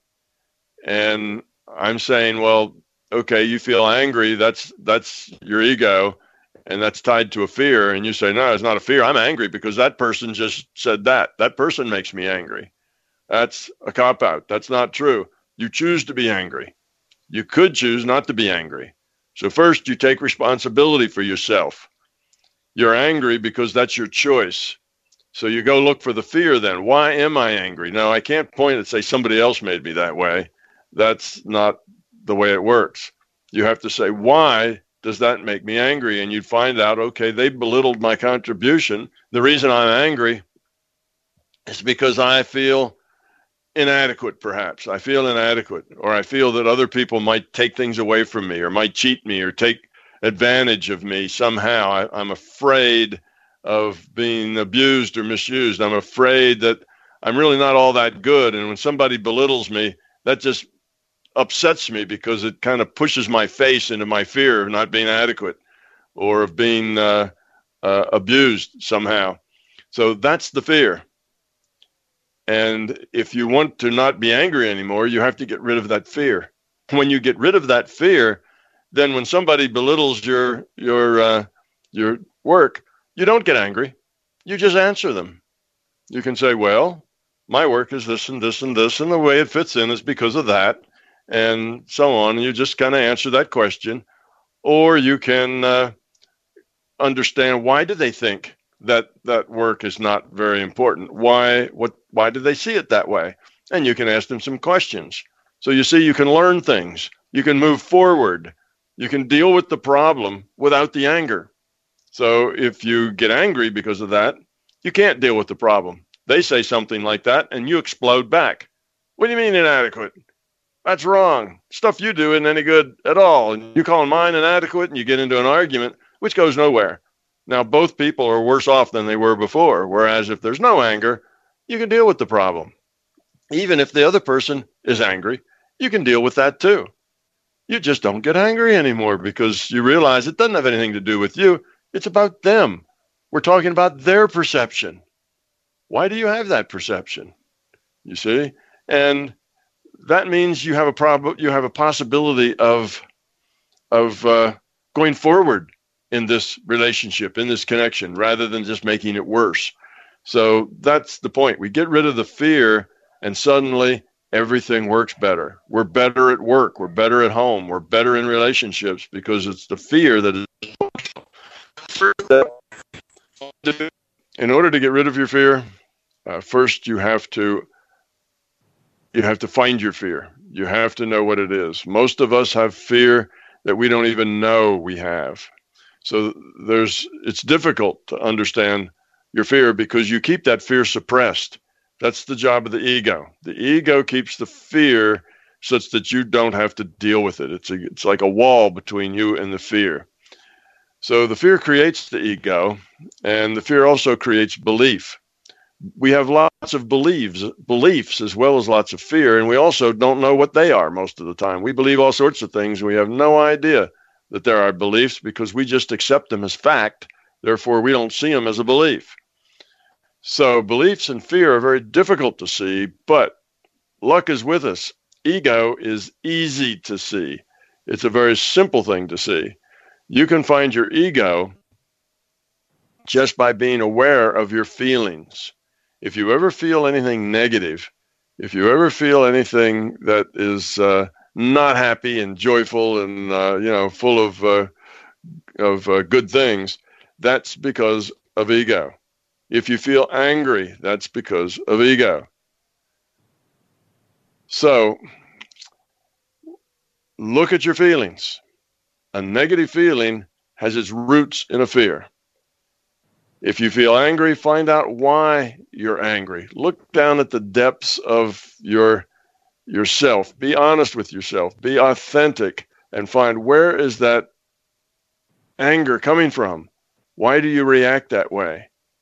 And you will find that that there is some fear down there, a fear of being uh, uh, inadequate, a fear that you're insecure, a fear of not being lovable or being abandoned, or you know, there's a whole list of fears that people have. Mostly, they get these out of their childhood and you have these fears, and that's why you get angry. That's why you get upset. That's why you get annoyed with things. That's why you're frustrated, is because of a fear. So, first, find the, the ego through negativity, then find the fear through self examination.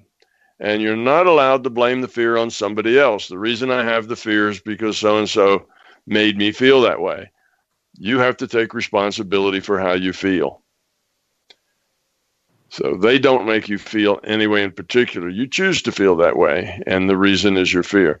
So once you find that fear, okay, you say, I get angry whenever people, you know, take advantage of me. I get angry when people say that uh, I'm I'm inadequate or I didn't do something right or you know, I'm too short or I'm too tall or I'm not fast enough or whatever. I get upset upset with myself, upset with others, doesn't matter. It's all related to fear. So you find that fear. Maybe it's a fear of being inadequate or a fear of, of not being lovable, fear of not being liked, a fear that people will make fun of you. Well, the fear that people make fun of you is attached to a fear of not being good enough. So, anyway, find the bottom fear, and when you do, own it. Have a have a uh, have an intention to get rid of it and have an intention to own it. So by owning it, I mean you have to say, okay, I have this fear. You don't have to really know where it came from. If you want to, you can trace to where you came from. It's probably something that happened to you when you were three years old that really wasn't all that significant in the big picture, but was very significant to you in the little picture. But regardless of where it comes from, own it and then think back of all the ways that this fear has informed your choices, has led to your choices being the way they are. When you do that, you'll be surprised if you take some weeks to do that. It's not an easy thing. Take some weeks to really see how has this fear affected my choices the last, you know, for the rest of my for the last, you know, decade. What are all the choices I made because of this fear? And that will give you the incentive you need to get rid of it because you'll see that it has been the the thing that has caused you the trouble all your life. It's been the thing that got in your way, the thing that caused you trouble. So once you understand what it's been doing to you, get your intent focused on getting rid of it, not hiding it, not pretending it's not there, not pushing it under the rug, but getting rid of it. So you have this intent at the being level. I want to get rid of this thing. I don't want to be that way. I don't want to feel that way. And when you find yourself feeling that way, stop yourself and say, no, not going there, not going to bring up that feeling. Just don't do it. Well, that'll be intellectual to begin with, and it'll be like you're you're you're trying to uh, push the fear out of sight. But that's not it. We're not trying to push it out of sight. We're not trying to pretend that we don't have it. We're trying to actually make it go away so you don't feel that anger, say. It's not that, oh, I feel angry. Okay, I'm going to stuff it. I'm going to smile, a real big smile so nobody knows I'm angry. That's not what we're after. It's not better behavior, it's better being that we're after. You can smile through your grit teeth, and all right, you're not starting an argument, but that's not you're not really growing up either. What you have to do is not be angry. Refuse to feel angry. Let the anger go. And as you do this, I don't know, maybe it takes a hundred times. You know, you, you keep pushing it away, you keep uh, denying it that you're not, you know, that you're, I shouldn't say denying it, not that way, but you keep uh, refusing to feel that anger. And it keeps coming back anyway, but it gets less and less and less. So after six months or a year or maybe a couple of weeks, if you're if you're lucky, the fear will just start to get less and less because your intent modifies future probability. And if you really have this intent at the being level, not at the intellectual level, your fear will just fade away and disappear. And then your life will be so much better. You'll feel lighter. You'll feel happier. When people say rude things to you, you'll just smile and go on with the conversation, or you will explore that with them or whatever, but you won't get angry because that's just, you don't have that fear in there anymore. So now you can be productive in your interactions rather than creating problems in your interactions, productive in your relationships. So you have to really want to do it. If you're just doing it because you think it would be a good idea and because you think it's what you should do, you probably won't get there or it will take you a very, very long time. That's at the intellect. Oh, I should do this. I should get rid of the fear. Well, that's a good way to start, perhaps, but the getting rid of it intent has to be at the being level, has to be something you really want, not something you want to add to your image. I don't want people to see me being fearful or being angry. That's changing your image, not changing who you are. So it has to be fundamental to you changing yourself. So you that button, if somebody pushes that button, it just doesn't cause a reaction anymore. That's where we're going. So that's how you get rid of the fears, just one at a time. Start with an easy one. Start with one that's not, you know, the deepest fear that drives you, you know, insane. Start with one that's a problem, but not necessarily the big problem, because the first one is the hardest one. Takes the most effort. Because you're just finding your own way through this process. The second one will be a lot easier and a lot quicker. The third one, even quicker yet. And pretty soon they'll get pretty easy to let go of, and you can divest yourself of fears pretty efficiently. But the first one's tough. So pick one that you can deal with uh, and just get rid of it and see how it feels to live without it. So that's how you deal with your fear. Um, you uh, work on them one at a time. Some people will get over it in weeks, other people will take years. Depends on how deep it is, how sincere you are trying to get rid of it, and that, you know, what it's tied to. If it's tied to some real, you may have to go and find out what that event is. You can do that through meditation. You can go to meditate and you can say, Show me, show me what it is that causes me to have this fear. What is it in me? What is it in my experience that causes me to have this fear?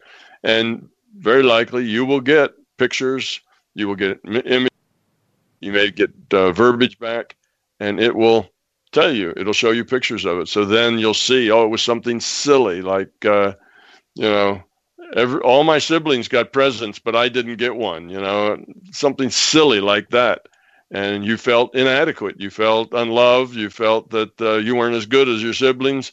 And from then on, you carried this fear with you. And now you're 60 years old and you still have it, but now it's causing more trouble, you see. And it goes back to something that uh, um, was a was a really a minor thing in a big picture. That's the way they are. They tend to be paper tigers, not real tigers. We're afraid that they're going to bite, but there's nothing there but smoke. And once you face it and deal with it, it the smoke vaporizes. So that's how you get rid of the fear.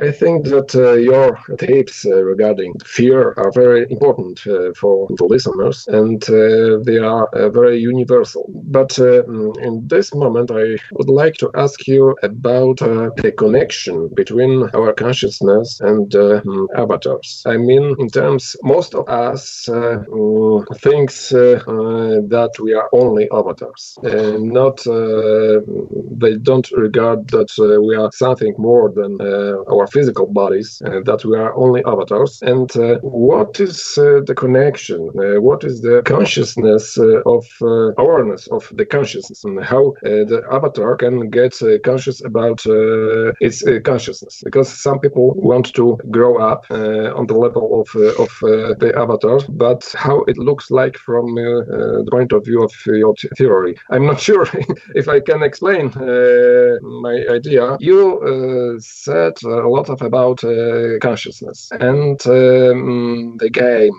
uh, that uh, consciousness play here in our reality. Yes. And some avatars become aware of the, the, player. My question is related to the, this growing awareness of, of the player. I mean, how we become aware of the player. How do we become aware? How do we become aware that we're just a player and uh, and not a and not a body?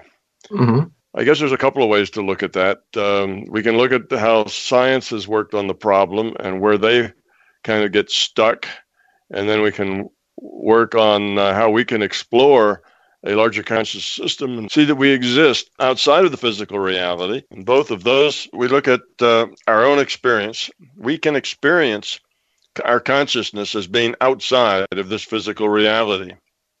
That's what we do when we experience things like remote viewing, getting data from the databases, and healing other people with our minds. All these things that are paranormal are things that give us an experience working with this reality, but from a non-physical standpoint. So when we when we heal with our our mind, we're not doing anything physically here.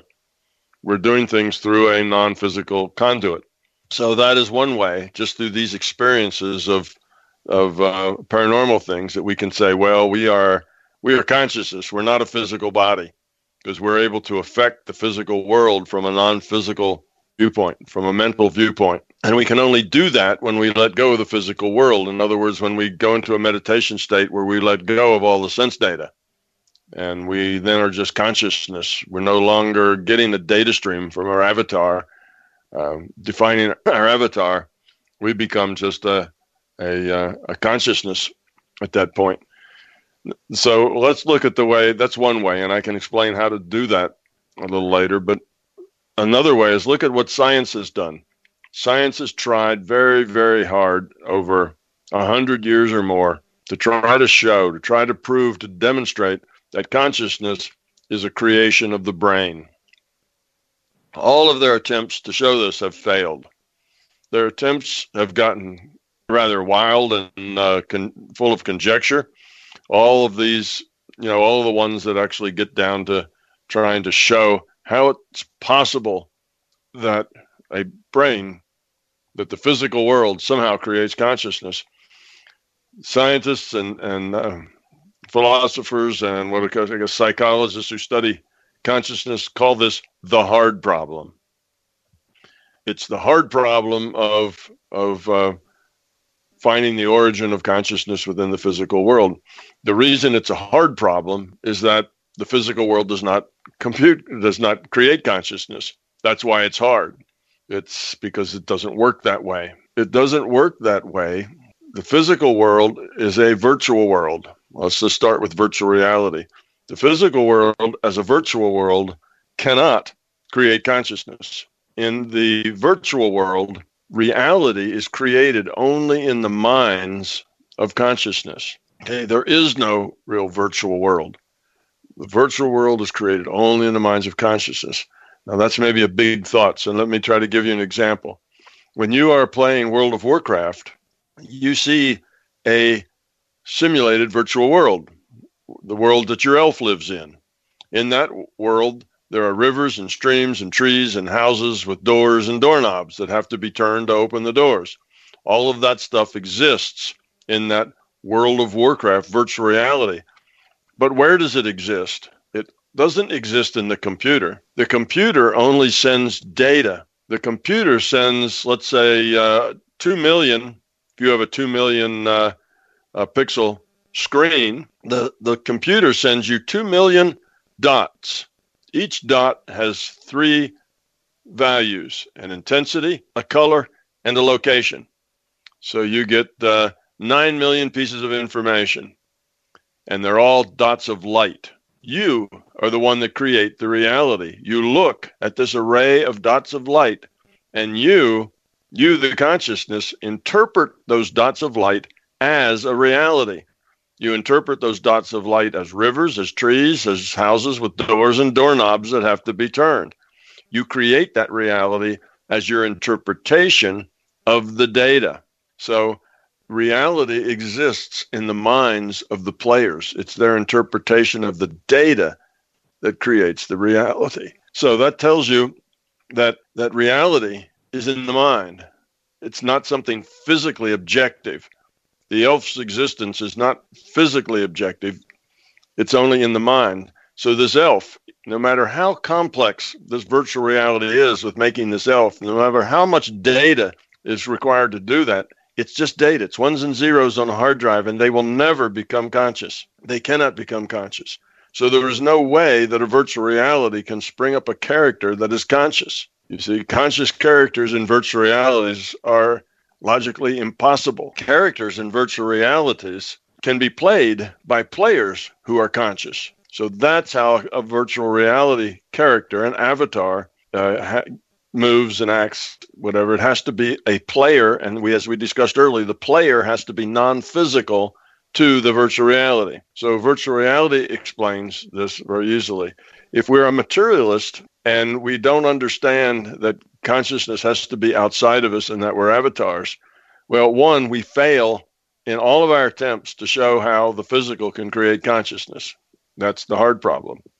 And we can have experiences within consciousness, paranormal experiences that show us that consciousness is more fundamental. Consciousness can affect the physical. You see, if, if consciousness was created by the physical, then it's the physical is the creator conscious is the product.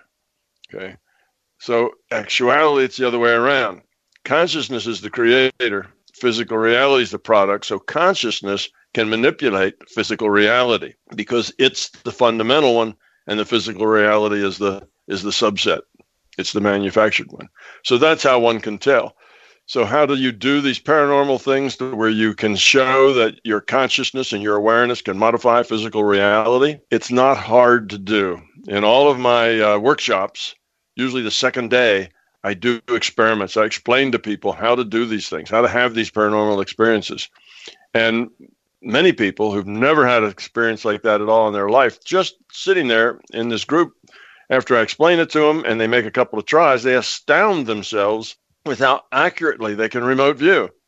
Well, they're not really good at it all the time and they're not terribly consistent, but they get enough of it sometimes that, you know, uh, astoundingly, you know, they'll make very detailed pictures and descriptions of things that no way they could just by luck come up with that.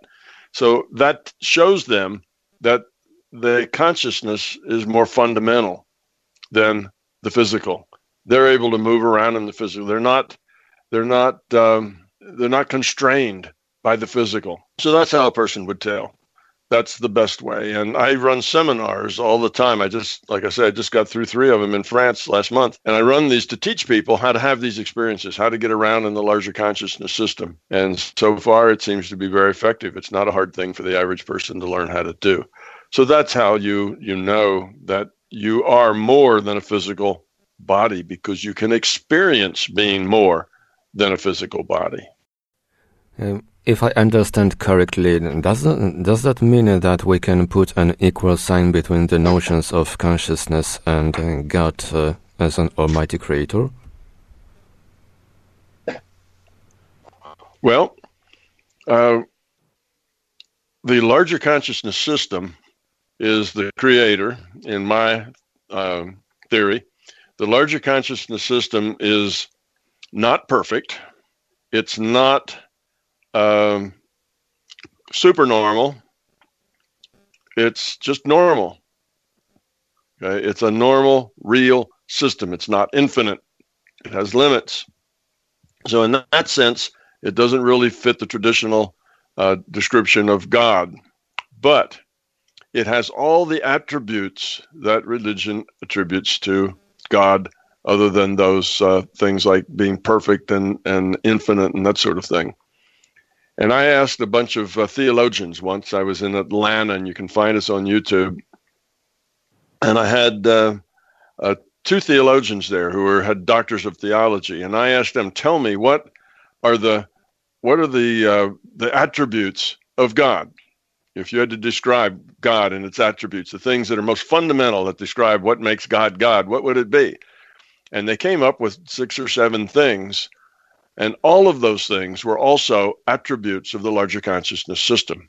So there's many people who are religious, describe themselves as very religious, who really like my big toe because it puts a, a face on God, if you will. They see the larger consciousness system as God because it meets all of the the criteria that are that are meaningful there in the sense of what it what God means.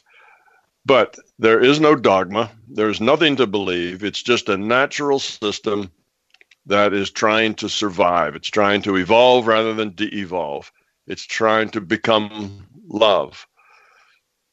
It's in that process. And we are part of that process. We're part of that system strategy to evolve. We are pieces of it, and we're going through this entropy reduction trainer. And as we evolve, because we're pieces of it, it evolves. You see, so we're part of its strategy to survive. And our job just, well, continue on uh, to do that. So many people make that parallel between the larger consciousness system and God because it serves those those purposes. It is the creator. It is the source. Uh, we are units, individuated units of consciousness, so we are uh, pieces of it in its image, if you will. And we can go on and on with lots of parallels that uh, will sound very familiar to people who are religious, and the larger consciousness system fits that. It tries to help us grow up. It's very uh, active and interactive with us if we are trying, if we're trying to grow up. If we're not trying to grow up, it just really kind of lets us do in our own juice. But if we are, it will help out. You'll find synchronicities in your life where the right stuff just gets in front of you at the right time so that you can uh, so that you can uh, evolve, so that you can do better. And those kinds of things that just kind of come out of the blue that happen just when you need them. That's the larger consciousness system trying to give you a little boost, a little break, a little hint about where to go next or what to do or what you need to understand. So in that way, it meets the, the kind of the criteria the way people think about uh, God, but all the dogma's gone, all of the uh, belief is gone. This is not a system you should believe in. This is a system you should experience, not believe in. You need to go there and be part of it, see it, experience it, and not believe in it. Again, if it's not your experience, it's not your truth.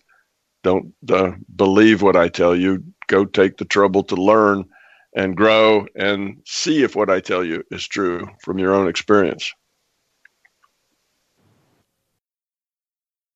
Can we prove the functioning of uh, something that is referred to as reincarnation uh, within a virtual real reality? Can we prove reincarnation? Well, science really doesn't use the word prove anymore. Prove uh, proof is, as Dean Radin says, proof is for whiskey. You know, proof is not uh, what we're looking for. We're looking for evidence. And yes, there's a lot of evidence that reincarnation is a real thing. Um, for me, the fact that it has to be a logical part of my theory in order, in, in order for the whole theory to work well is um, pretty strong proof to me, but may not be for others. But if you look up uh, Dr. Brian Weiss, um, you will find that he's done a lot of research on past lives, and you can find many, many cases where people have knowledge of past events that they should not have. There's a little boy who was like, I don't know, six years old maybe, and he could tell his parents that he used to be a pilot and he flew an airplane and they give him the kind of plane, the type of plane, and he got shot down in a particular battle, and he could tell the pilot's name and uh, all of the details uh, that a little child of that age would know nothing about, obscure details, but yet details that were recorded someplace. And sure enough, this little guy's right. He had all those details right. So, how does that happen that somebody can, uh, with that much detail and specificity, talk about the past that he never should have experienced unless he actually did experience it? So, that's just a simple case. But those that do research on past lives, and these sorts of things, find hundreds of such cases. So it's not like just one fluke that uh, that happened, but there are lots of these. Uh, Dr. Weiss he uses uh, uh, these past lives as part of his therapy. He's a he's a uh, psychiatrist, actually a very well known and very highly regarded psychiatrist, head of psychiatry at one of the major hospitals. Is where he came from. That was his background.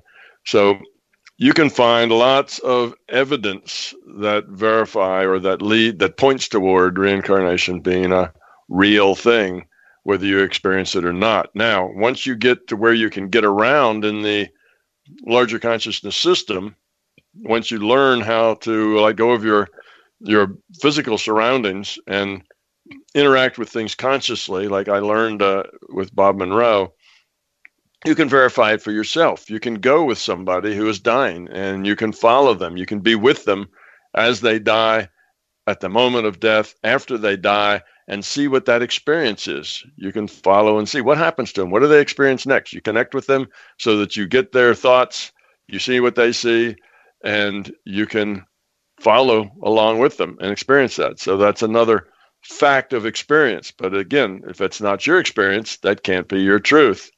Uh, you can also go to that virtual reality where that I call the transition reality, where when people die, their uh, individuated unit of consciousness has a little transition process it has to go through because it's kind of a a shock to its system, doesn't know exactly what's going on because this this log on is immersive, entirely immersive. You see, so the consciousness actually sees itself as the avatar.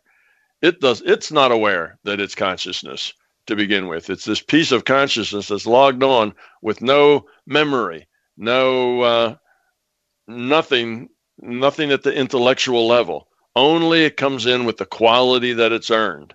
And then it starts out, its first experience is that experience maybe in utero or being born. And from then on, it has to figure out how to, how to uh, uh, uh, what's the word? Um, understand the data that it gets, how to uh, read that data, and has to learn that. So when it comes here, it's completely 100% identified with the avatar, and it believes itself to be an avatar, not a consciousness. You see? So that's why people have a hard time with it. But as it grows up, it becomes more and more aware there's another dimension. It becomes aware there's something more than just the physical reality. It starts to explore. It learns how to meditate. It learns how to get out of body. It learns how to remote view and do other things. It starts to understand what it really is. And then, if it can get around in the consciousness realms, it can go to that virtual reality where consciousness ends up in the transition after the avatar dies, and it can see the process it can be a part of it. It can even work there, you know, be part of that process if it wants to. So there's another bunch of facts.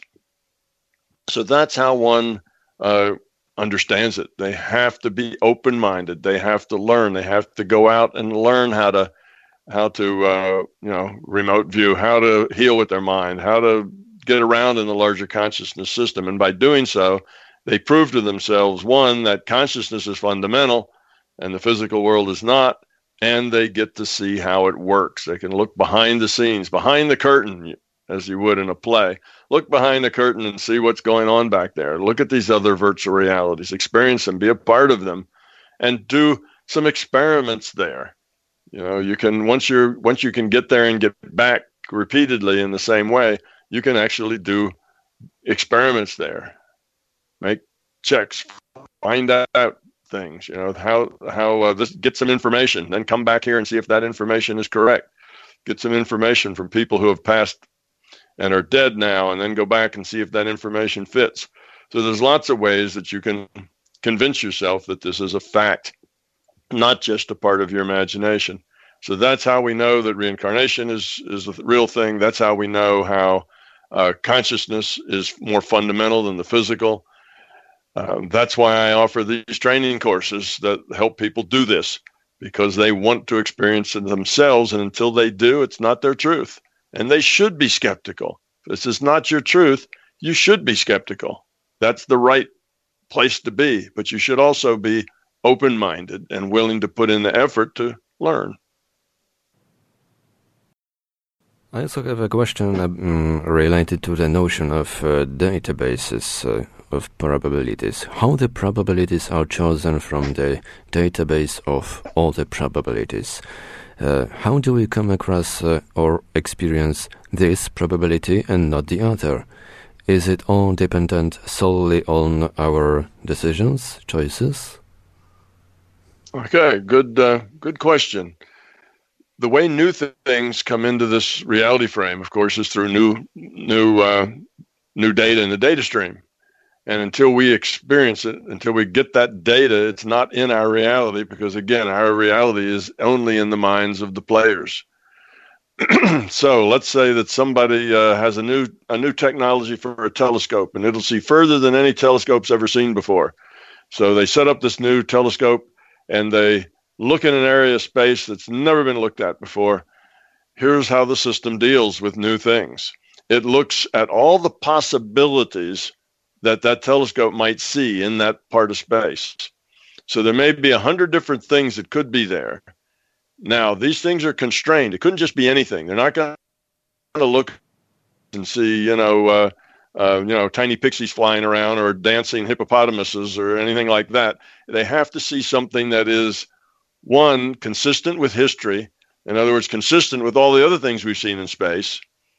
Uh, consistent with the things that we've seen around or near this thing, even though we've never seen it before. We've seen stuff in and around it, say. so it has to be consistent with what we already know, with the facts on the ground, and it has to be consistent with the rule set. Okay, we have a our, our virtual a virtual reality has evolved from initial conditions according to a rule set. It's not programmed; it's evolved. So those are the conditions. But within those two conditions, has to be within what we already know, within the facts on the ground, and it has to be according to our rule set. There are a hundred, say, different things that it could be. Maybe there's a million, but let's just say there's a hundred different things that could be there. All each of these hundred has a certain probability. Some of them are less likely than others. So you have a hundred things, each with the probability that it might be there. Now that creates a probability distribution of the possibilities. A random draw is taken from that probability distribution, and that's what's there. That's the thing that that telescope will see. Now, when I say a random draw from the distribution, that does not mean a random draw from all the possibilities. When you take a random draw from the distribution of the possibilities, now the things that are more possible, have a higher probability, are the ones that are more likely to be drawn in that random draw. Okay, so depending on how likely or unlikely it is, how probable or improbable it is, there's more or less likelihood that that's what will be drawn. That's what it means to take a random draw from a probability distribution. So that's how they see. So a random draw is taken. When that draw is taken, that's what's seen. Out of those hundred things, only one thing will be seen, and it was the one that was drawn out there randomly. So let's say one of those things was one in a million. Well, then there's only one in a million chance that that random draw is going to pull that thing out. You see, one another thing may be uh, a, a 10,000 in a million would be its probability. Well, now there's a 10,000 in a million probability that that thing will be pulled pulled out. You see, so that's the that's the way it works. Now, the same thing works everywhere. It's not only in outer space, but wherever there is uncertainty, wherever in our system there is unknown, and all of our science is basically trying to dig things out of the unknown, right? If they were known, then they'd already be part of science. So scientists are out trying to discover uh, new knowns, are trying to dig around in the unknown and come up with something new. Well, everything that's unknown has certain possibilities. Maybe there's only two possibilities, or maybe there's only one possibility, and that's the only thing you can get. Then a random draw always gets that. But where there's multiple possibilities because there's uncertainty, the system always delivers uh, a random draw from the probability distribution of the possibilities. Now, how does that affect us here uh, locally? Uh, here's one of my favorite uh, metaphors: is is that uh, let's say you uh, you're going on a trip so you leave your apartment, you lock it up, nobody's going to get inside. You're gone for a month. You come back, you open your refrigerator door, but you don't really remember what's in there because it's been a month and you really didn't study it that much when you walked out. It's just what was in your refrigerator, just sort of maybe the last time you were in there, you didn't really pay attention too much to what was in there. Well, now there's uncertainty with what's in your refrigerator. Okay. Now, if you took a picture of it before you left, and you have that photograph sitting on top of the refrigerator, now there's no uncertainty as to what's in there because you've captured it right there in a picture. But if you didn't take the picture, there's more uncertainty. So when you open that refrigerator door, there's certain probability that certain things will be there. And you get a random draw from the probability distribution of the possibilities. And that's what's in your refrigerator. So you see, that works for all things that have uncertainty. That's how they are produced. That's why we need a future probable database because that's already collected the probability of all these possibilities. That's what's in the future probable database. That's why that has to exist. So that's how new things come into the reality. Could you please comment on two things? First, conspiracy theories and the mm-hmm. second extraterrestrials. okay. Um, uh, take another one of these lozenges because that's going to be a little long. Those are two big questions. Okay. Conspiracy theories. Of course, there are such things as conspiracies. People do conspire to have their way. That's just the nature of people, particularly people in power, want to use that power to make things come out the way they want them. So we do have conspiracies as a as an actual thing, no doubt. But the the conspiracy theories that are running all around the internet for almost every subject tend to mostly be fear based. It's all about fear. It's all about how the evil something or other is doing these nasty things to us. They're all very fear based. I remember I told you that the intention will create, will modify the probability of what happens in the future. It creates a higher probability of things happening in the future. So if you have a very negative intention, if your intentions are fearful, you're providing a higher probability for fearful things to take place. In general, you tend to make your fears come true. Those things you fear, the things you fear the most, you create those things because you're putting a lot of energy into that negative thing happening just by being fearful of it. You're putting intent.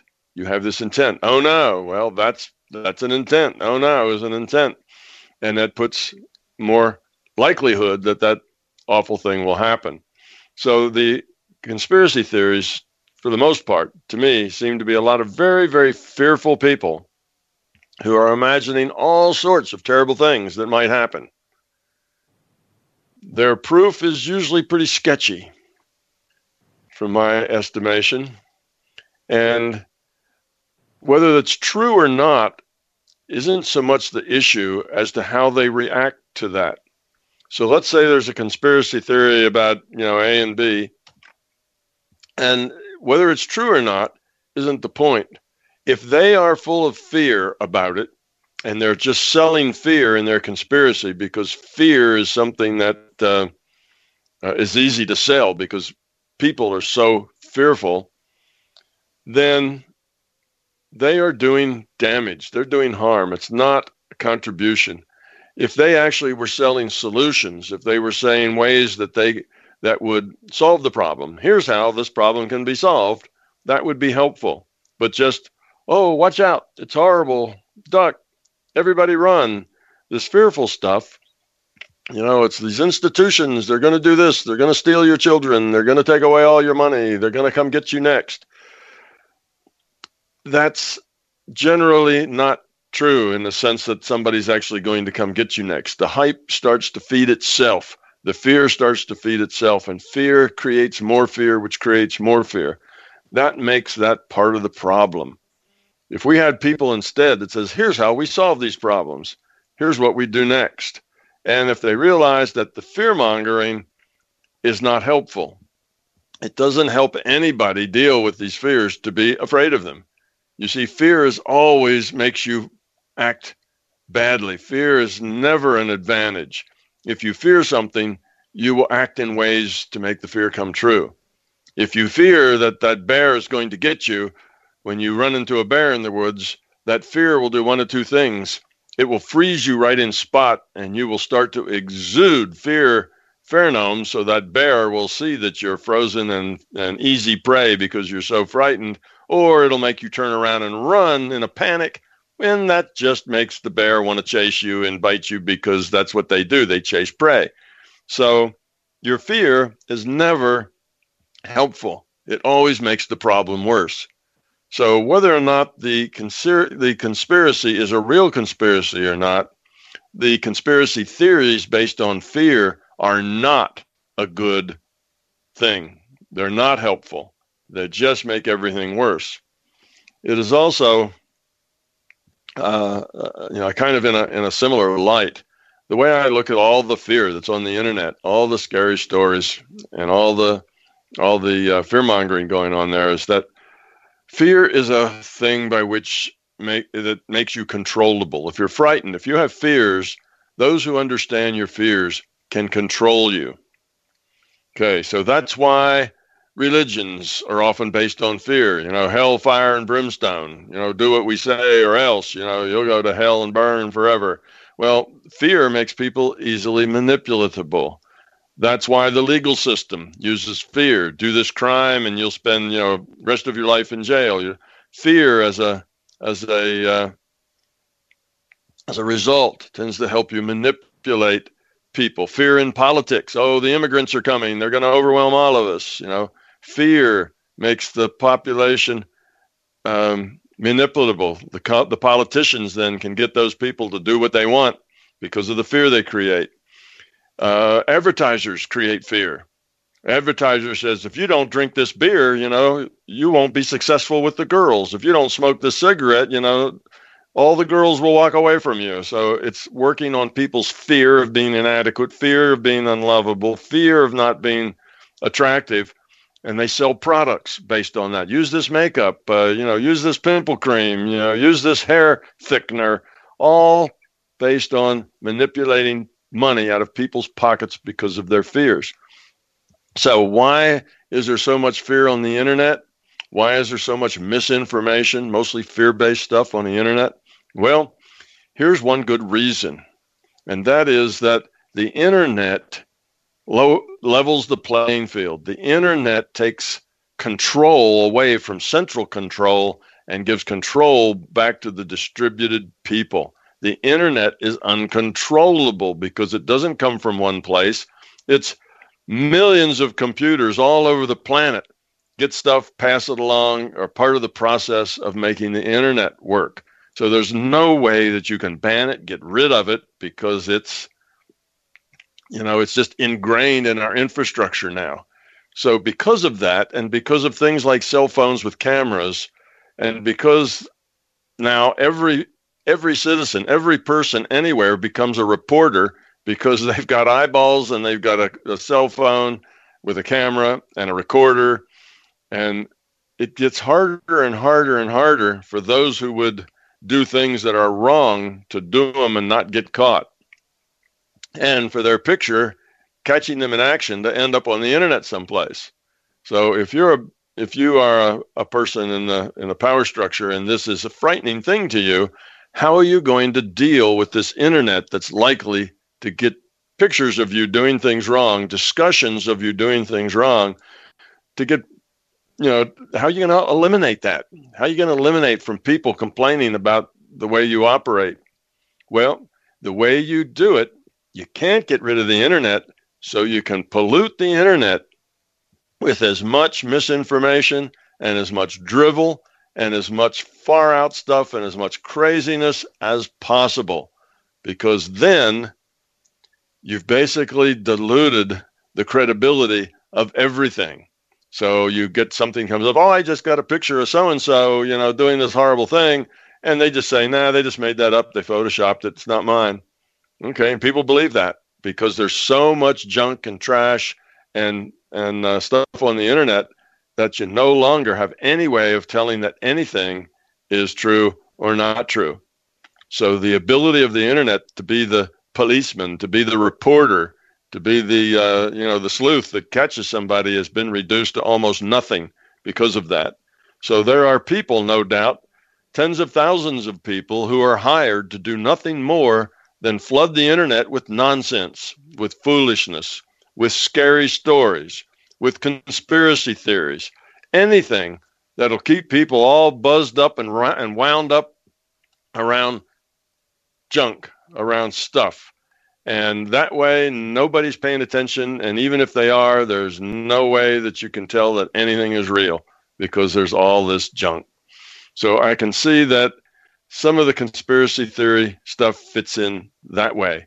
These conspiracy theories, even though they're about the evil government, just as likely they're put out there and started and fed by that government just to keep the people wound up around you know these details rather than actually looking at serious hard questions and trying to figure out what to do about them instead they're all running around you know like uh, chicken little you know the sky's falling the sky's falling and nobody is really paying attention to what's actually going on so that's my thought on conspiracy theories they are in mo i don't it's not saying every single one of them is like this but most of the time they're fear mongering because fear attracts attention if they say something and there's not a big fear story with it, well, nobody will pay any attention to them.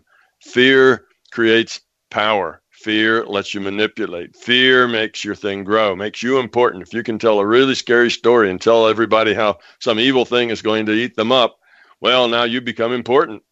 You see? So, unfortunately, all of this fear mongering has created a very fearful environment where our electorates, are easily manipulated. Our attitudes are easily manipulated. We have millions of people who are against this and for that. And we have polarized society. All of these problems, which are all distractions, are all there because of the fear. So I think we've overdone it a great deal with our with our uh, conspiracy theories. They uh, doesn't mean that they're not that some of them aren't true. It just means that if all you're going to say about it is to is to uh, is to cry the alarm, then you're not really part of the solution. You're part of the problem. Now you can just give information and say, "Well, here are the facts." That's different. Here are the facts. Okay, this happened, this happened, then that happened. But if it's in the if the tone is fearful, oh no, oh no, then you're part of the problem. If you're facts delivering facts, that's okay. That's educational, even though facts don't really exist on the internet anymore because there's so much junk that nobody can tell a fact from a from a lie. Nobody really can tell the truth from a falsity. So that's the thing about conspiracy theories. They're just, for the most part, unfortunate that they exist to the extent that they do. They create a lot of fear. Now, the other thing you talked about, let's see. I told, what was the second thing you wanted me to talk about? If I, remember, if I remember correctly, it was about uh, extraterrestrials. Oh, yes, extraterrestrials. Very interesting subject. Extraterrestrials. Okay, the way the the way the uh, the uh, scientists look at extraterrestrials is that this is a very big universe, and the universe has billions of billions, probably trillions of suns that could support, you know, uh, life on a planet. And with all of that, it seems very unlikely that we are the only life living in this whole huge universe. We can't even see out to the ends of it. So, with all of this and how, uh, because it's so extensive, the theory goes that it's very likely that life exists someplace else other than just here in this one little mediocre sun with these, you know, few planets going around it. There's just this one planet and all of that that's produced anything in the way of life is kind of a almost a silly idea, except when you look at it this way. And that is that if this is a virtual reality, then the virtual reality only computes what it needs to send to the players, nothing else. So if this is a virtual reality, it exists in the minds of the players and nothing else is computed but the data that goes to the players. In other words, the data that that that emulates what the players sense with their five senses. That's all the data you get. All right. So if that's the case, then there is no waste with all this huge universe and all the suns and all the planets and all that stuff because it's never computed. Never computed. All it's computed is just lights in the sky. And even then, it's only computed at night when it's not cloudy. So there's almost no computation required to do this entire universe. Now, somebody gets a telescope and they look out there, you send up Hubble, and Hubble looks at something for the for the minute or the second or the or the an hour that Hubble looks at it, then it just takes the random draw, shows Hubble what's there. That's the answer.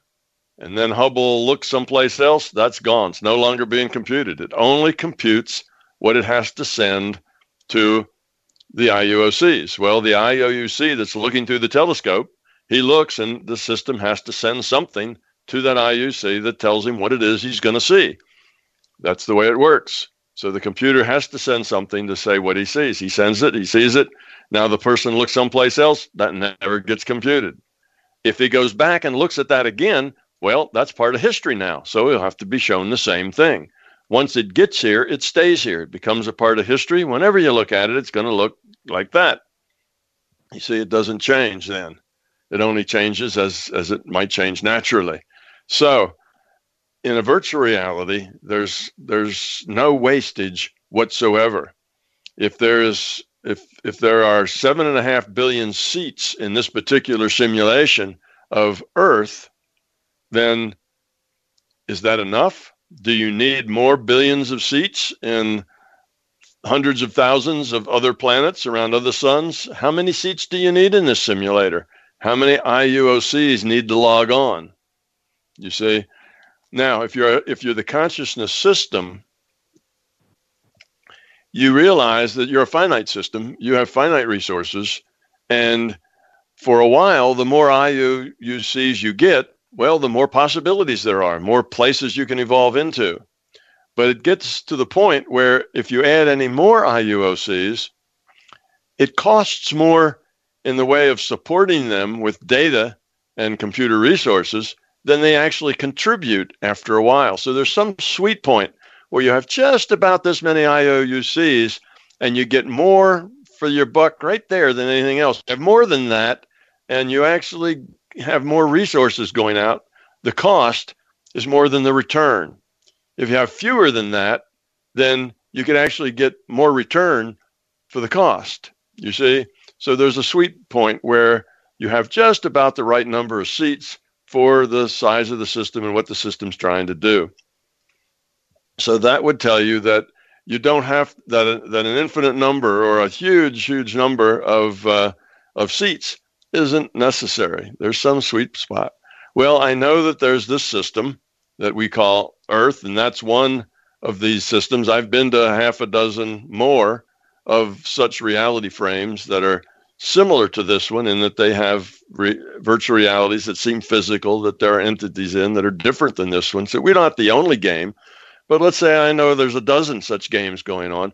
How many more seats do they need? And are these other games going on in this reality? No, these are not other.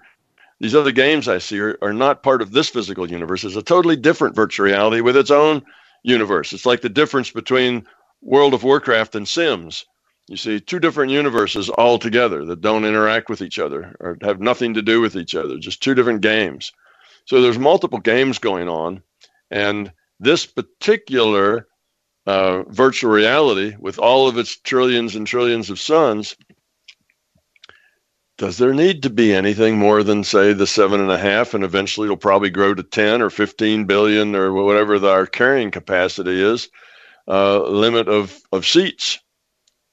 So there may not be anything and anything else that is alive in this universe. We may be it. And this whole universe isn't anything more than us and little lights in the sky. None of the rest of it is computed until somebody looks, and it's only computed while they're looking. And as soon as that telescope gets turned off and everybody goes home for dinner, the computer doesn't have to compute any of that anymore. So as long as the Hubble's taking pictures, it has to compute exactly what the Hubble's looking at. As soon as the Hubble moves on, it doesn't have to compute that anymore unless somebody looks back there again. So you see, it's not a waste of resources. It's not necessarily that way in a virtual reality. So that gives us a whole different perspective in which to look at the ET thing. Now, what about those people that wake up in the morning and find little green guys with pointy ears at the foot of their bed? And uh, they uh, say, well, there's ETs. I've seen them. I've seen their craft. I've watched their flying saucers hover over my barn and uh, saw them land and they got out and they looked like this. And so you have all that. Well, what's that about? Well, what is it that they see? What does seeing mean? It means that that those little green guys in that saucer were put in their data stream. That's what they see. Okay, so they got that data and that's how they interpreted it. That's all it means is that the data was put there. Why would the system put that data there? Well, a couple of reasons. One, perhaps just to wake them up, just to show them that uh, this little world we live in is not just all there is to it. There's a bigger picture that has more to it than just this little physical world that we know of, just this Earth and our solar system. That is a bigger place than that. It opens their minds a bit to something bigger. That might be one reason. Uh, who knows? There's three different ways that you get data in your data stream. Only one of them is from the larger consciousness system. The other way you get data in your data stream is from some other IUOC, okay, some other individuated unit of consciousness. And it doesn't have to be from one that's logged into this virtual reality. It could be one that's not logged into any virtual reality that's physical. Maybe one that's that's in a It's just in the what we call the non-physical. In other words, virtual realities that have loose rule sets, not tight rule sets, so that they don't seem physical. They're more like your dream reality. So it could be an IUC from anywhere that sends that data to them. And the third place that you can get data from is from your own imagination. So those are three places that create data. You create it because you're a consciousness. Some other consciousness can create it, some other IUOC, and the larger system, larger conscious system, which is consciousness, can create it. Consciousness creates information, creates data. So the data you get never comes with a tag of the source. When you get data, you don't say, oh, this is from the larger conscious system, and this is from your imagination, and this is from an IUOC. It all just comes as data. It is impossible to tell the difference. No tags. So when you get information, you interpret it, and that's what you say your senses have seen. That's your story. I saw this. And indeed, you did. You got that data in your data stream. Could come from any of those three places. What's the point? Where did it come from? Why did you interpret it that way? Well, those are unknowns, and it's not possible to really know that for sure. It doesn't necessarily mean, though, that there's little green men that live in some other part of our universe that came here and for some reason are standing at the foot of your bed. That's just an interpretation. We don't know the source of the data. So, could be the larger conscious systems that sent that. Could be some other IOC is having a little fun with you. It could be that it came from your imagination. Those are the only three possibilities. You see? So that's what our reality is it's information. So that's the thing about, about uh, ETs. And it's interesting. There's a thing called the Fermi paradox that you can you can Google Fermi paradox, and you'll see that Enrico Fermi, who's a fairly famous physicist, at lunchtime with his friends, decided to calculate uh, uh, why our, our universe that we know of, the part that we can look at and we can measure and, and find signals in, why isn't it full of aliens? Because you see, we're in a newer part of the universe. This universe didn't suddenly all appear just at once. Parts of it are much, much older than other parts. Our part's kind of somewhere in the middle. It's not the oldest, it's not the newest, but the older part is about a billion years older than the part that we're in. So our part of the universe, our sun, is a billion years younger than the old part of the universe. So they say that let's say that that the life on planets just kind of evolved here. It could have evolved anywhere else, including in the old part of the universe. And if it evolved about like ours at the same rate as ours, then it would be where ours is now about a billion years ago. So they would have had a billion years to further develop beyond us, you see. By the time we are where we are now, this other group should have been there a billion years before us and had a billion years yet on us as far as further development. So they looked at that and said, even if you can't go faster than than uh, light speed, even if you're limited, even if you can only go a tenth of light speed, and that's as fast as you'll ever go, eventually you'd have the technology to go out to the things that are nearest to you, and then from them go out to the things that are nearest to them, and so on. And by now, the part of the universe we live in should be fully populated based on you know how how people you know how the birth rates and how people could expand and how the technology might grow and so on they said that that the the probability is very very high that there would be aliens everywhere that they would be on almost every inhabitable rock that they could find you know they they'd be on things that are well within our sensors ranges of seeing well they still have to use the same physical stuff we do they still have to have signals They're still electromagnetic signatures and we look out there and we see nothing and these scientists thought that if the really the the whole part of the universe we are in, the part of the Milky Way we're in, if it was really populated, densely populated, like it would be by then, up to about the carrying capacity, more or less, that it would be obvious. There would be all sorts of telltale signs that aliens were everywhere. And even if they avoided contacting us directly. And since they didn't have any of those signs that they had been looking for at programs like SETI and others, they uh, they said that uh, you know that's a big paradox. They should be here, yet they don't seem to be here. And the Fermi paradox, you'll see if you Google it, has maybe a dozen or more solutions to the paradox. None of them are very good. People who are, uh, who, you know, do logic for a living, the philosophers and others who do logic say that the that the logic of Fermi that says they should be here, where are they, uh, is much stronger than the logic of people who make up reasons why. Like, well, they they are here, they're everywhere, they're just sneaking around and we can't see them. Well, that's very hard to to um, uh, justify when you understand science and and uh, the kind of things that we can sense at the distances we can sense them. Uh, somebody somewhere would be making mistakes. Signals would come out occasionally, anyhow, and we've been looking for enough years that that seems rather unlikely. So anyway, all of the arguments have been judged to be not very strong explanations of the Fermi paradox. So the Fermi paradox still stands as an unsolved paradox. But I've never put up a, a solution, but virtual reality is a solution that does explain it, and it's very strong solution that gives uh, us a, a uh, an answer that is just as strong, if not stronger, than the than the paradox itself.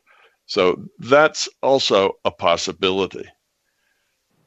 So sometimes people will see saucers and things because that's a wake up call, or it leads them to go study something. It leads them to go find things out and they connect with people and get involved in things that otherwise they wouldn't. And all of that's part of a growing process. Uh, we have we have crop circles. Okay, crop circles appear. They have seemed to appear overnight. They seem to appear in one day, overnight, and they do it in silence and without anybody noticing. Uh, that's pretty tricky when you look at these circles and see how complex and how large they are. That's rather uh, silly to think there's a bunch of farmers run out and a bunch of students from the nearby college run out to beat down the bushes to make these signs. That becomes ridiculous. Uh, not only would it take them months to do that, at that it, it would take them lots of equipment and surveying to get it even close to being that accurate and it would take lots of noise and lots of people and lots of machines. And anyhow, so they have a they're a big paradox. That's one of the paradoxes in the world. Where do these things come from? Well, the people who look at that and they're presented with the paradox because they don't understand virtual reality at all, and that's not in their worldview. They say, well, it didn't come from here because there is no known technology that can put that kind of a of a thing on our planet that quickly, that that silently with no lights. So because it's impossible for us to do it, then it must be the aliens. The aliens have to do that because they can't think if it's anything else. If it's not us, then it's got to be the aliens. Well, this is a virtual reality. In a virtual reality, the system can put anything it likes anywhere. It's just a matter of sending the data so that people who go there and look, that's what they see. See, it's nothing. The virtual reality doesn't exist except in the minds of the of the players. So all they have to do is put that data in the players' minds, and there it is, sitting right there in that field. Perfect, just like that. Overnight, no lights, no noise. You see, now why would the system want to do that? It's another wake up call. Hey, people, reality is bigger and stranger than you think. Materialism is not the answer. There's something more. It's just that kind of a wake up call. So that would be my guess at where they come from. Consciousness does it as, as a wake up. Remember, it's trying to help us grow up, it's trying to help us see a bigger picture, help us understand what our purpose is here so that uh, we will make better choices. So, anyway, it, it can't do it for us, it can't lead us to it. We've got to get there on our own but it gives us hints all the time, sometimes in mass, like crop circles, sometimes individually the people, but it's constantly giving us hints to open our mind up. So that's the thing about aliens. We tend to call anything an alien. We tend to judge anything to be from some other planet in our universe when we run into something that we can't otherwise explain, that we can't otherwise uh, uh, make up a good reason for. So it's just what we do because we don't have any other choices. It's the only thing we can think of. So that's why I think a lot of the alien things happen. Now, people I think see these things in you know see these things and not necessarily the physical dimension. They see things in their mind. To them, they get data. It seems like it's physical because they're awake, their eyes are open, and there it is. But they have to understand it's just information. And the fact that that information is in their data stream doesn't necessarily mean that it's in anybody else's or that that information is in 10 persons' data streams doesn't mean that you know that uh, it's what it seems to be. We look at these things, we jump to conclusions. All I can say about it is that it's information in a data stream. It came from one of three sources, and the probability that it came from aliens out of our universe is probably small because of the nature of virtual reality. But I don't say that these are hallucinations that these people are making up and they're all nuts. That's not the case. These people saw what they saw, they got the data. So I don't see them as making things up. I see them as misinterpreting the data to be something that it isn't. At least I'm talking in general now. I'm not talking about every case. And the same is for physical stuff. Okay, here's a you know, here's a big part of a spaceship lying in a field, you know, and people got it and took pictures of it. Well, again, that's just information. The system can put a piece of something or other anywhere it wants, composed of anything it wants to compose it of. A virtual reality is just information, and it can do that and provide evidence if you want, just to stir the pot and get people thinking. So that's my opinion on uh, on on aliens and on uh, the uh, fear the fear uh, that we get out of conspiracy theories. I think the conspiracy theories are a problem because they're so fearful, and the aliens are probably more in the mind of the perceiver than they are in the physical reality. That's what makes them so hard to prove. That's what makes evidence so unlikely and you hear lots of stories. Oh, so and so, he used to be the president of something or other, and he's head of the army and did this and did that, and he saw a bunch of blips flying around. Well, no doubt he did see those blips flying around, and no doubt they were not normal airplanes. But a blip on a scope is just information. System can do that anytime it wants for any reason that it wants. So we have to kind of have a bigger perspective on the on the alien thing.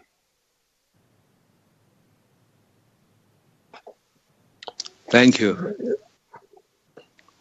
Can we say that we have been put in the virtual reality by someone, or it is we who placed ourselves in it? Okay. Uh, we have free will and we have, you know, the free choice to be here or not be here. If you don't want to be here in this virtual reality, you don't have to be here. So we have agreed to it. We have uh, said, yes, I want to log on. Otherwise, we wouldn't be logged on. So it, it's at our request. Now, in the beginning, the system developed this virtual reality as a entropy reduction trainer. And in the beginning, it played all the parts because this thing just evolved from a rule set and initial conditions. Okay, it just evolved to be what it is. When it evolved to the point that there were avatars, computer characters that had interesting choices. That is, choices that had that had uh, consequences, choices you could learn from. Then the system invited IUOCs to log on and speed up their evolution because now they had a place much better than a chat room to make choices and grow up in. So at that point, I think they were probably encouraged. I could just say strongly encouraged, not forced to log on, but they were encouraged to do that. and they did come and log on to avatars and found the game to be very difficult and very hard. But they also found it challenging and they were growing, they were changing. Uh, some of them for the better, some of them for the worse, but the potential was there, whereas before they were kind of languishing in the chat room. So it eventually became very popular. Other virtual realities were made.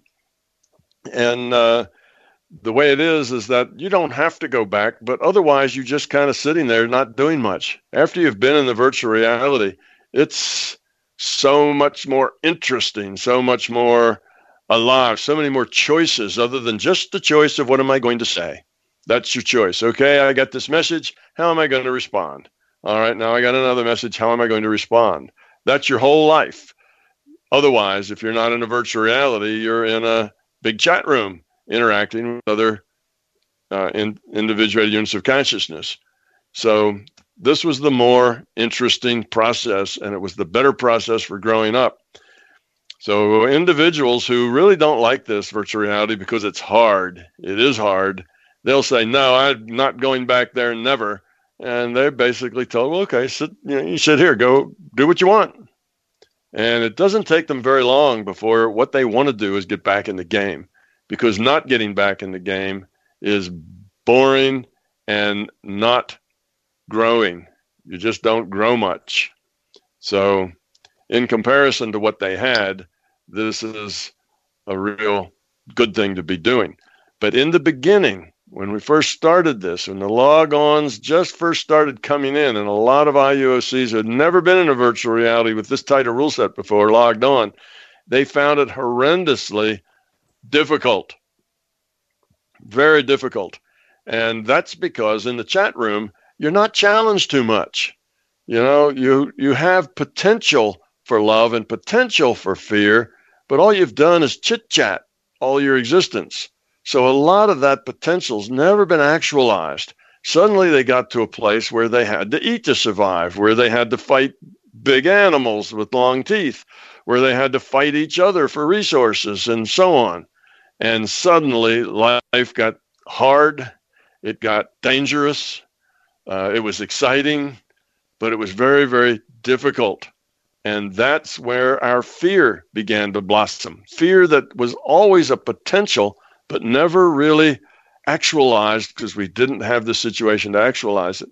When we got in this virtual reality, the fear of you know starvation, of trying to keep our families and children alive, the fear of where we were going to sleep the next night and what was going to eat us, you know, while we slept. All of that uh, kind of blossomed up and we had to deal with it. We had to make choices. So we're going to have to find food. Well, this other tribe over there seems to have found some food. Do we go kill all of them and take their food or or what? Or keep trying? So they had all these moral choices they had to make that were choices on the side of caring and cooperation or choices on the side of self-centeredness. And we've been doing this struggle ever since. And what's interesting is that you go around the world in all the very old cultures have been around a long time. They all have creation stories. And their creation stories always seem to have the same theme. Where we were before was so nice and easy and wonderful and terrific. There was never any hardship, and we all just, you know, everybody was happy, and it worked so well for us. And then we ended up here and oh god we've been struggling and miserable and full of you know uh, you know full of misery and pain ever since. That kind of moaning about uh, this transition. Well i think that's the transition from the chat room to the virtual reality. That's kind of the the memory if you will the collective memory of the consciousness that made that transition from uh, uh, you know, you have in the in the Christian thing, there was this Garden of Eden where everything was nice and sweet and life was great, and then you know it all went to hell in the handbasket uh, when they got the, the the knowledge from the tree of knowledge, ate the fruit from the tree of knowledge, and actually had all this experience of of uh, existence here in the virtual reality. And among the Hopi, I think they, they came from the stars. They came from a people far, far away out there somewhere. Well, that just means someplace that wasn't here. It's not necessarily from a star, but someplace that's not here in this uh, on this planet. And it's been very harsh and hard ever since. and so on. They, these stories pop up all over the place, but they're all very similar. And uh, I think there's even some that say they came from a place called Atlantis. And uh, that was a beautiful, wonderful place. And now they have all this hardship. So, in any case, that's a story that's widespread through all of humanity. And I think that that's our memory from leaving the chat room and coming to this place in order to make hard choices with consequences and grow up. But it works. This is a place where you can grow up. So you not have to come here. You weren't forced to come here in the first place, and you don't have to return. If you like, you can go to some other virtual reality and try that one. But you'll find that it's not the virtual reality that's the problem, it's your fear that's the problem.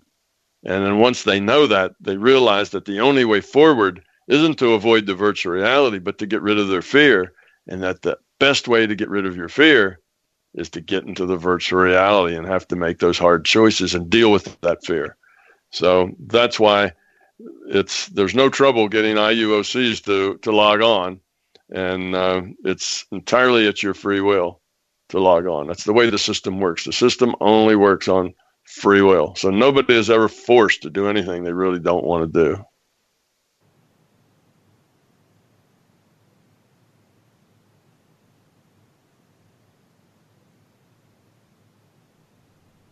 Thank Tom, you. Th- thank you very much. Thank you very much. Have a have a good evening. Okay. Well, thank you guys very much, and I hope you get this out, and I hope we get a lot of people there, and it's a very successful event. I think it probably will be. If people knew exactly what we were going to talk about and how it was going to work, I think we'd we'd have a lot of interest in it. These are interesting topics these days. Just virtual reality is an interesting topic these days, and how to apply uh, these things to your life and and is paranormal real and you know what good is it and how does it work and why doesn't it work sometimes and all of that uh, should have a pretty wide audience. I understand Poland is a is a real uh, uh, happening place in these fields. That it's a it's a, a lot of people who who think deeply about big things in Poland. So hopefully we'll have a large group. That would be nice. The more people we have, the better I like it because then we're going to spread these ideas around better. And that's the whole point is to spread these ideas around and answer people's questions. Right. Great. Thank you very much, Tom. Thank you. Okay. Good night, all. Good night. Good night. Good night. Thank, Thank you very much. You're Bye. welcome. Thank you, guys. Thanks. Thanks. Thanks. Bye-bye. Bye.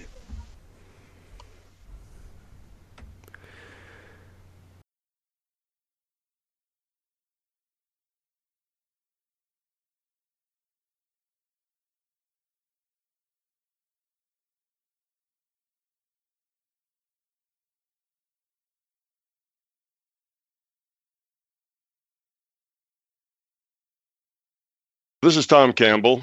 Uh, I'm going to be in Krakow, uh, Poland, the 30th of June to the 1st of July. For two days, we're going to have a very interesting uh, uh set of discussions and conversations. Uh, I'll be talking some, others will also be uh, on the stage talking. We're going to discuss the nature of reality, the nature here of our existence, what it is we can do to save the world, to make this a better place to live in what's the you know what are the things that that actually will help uh, as opposed to uh, just make things worse?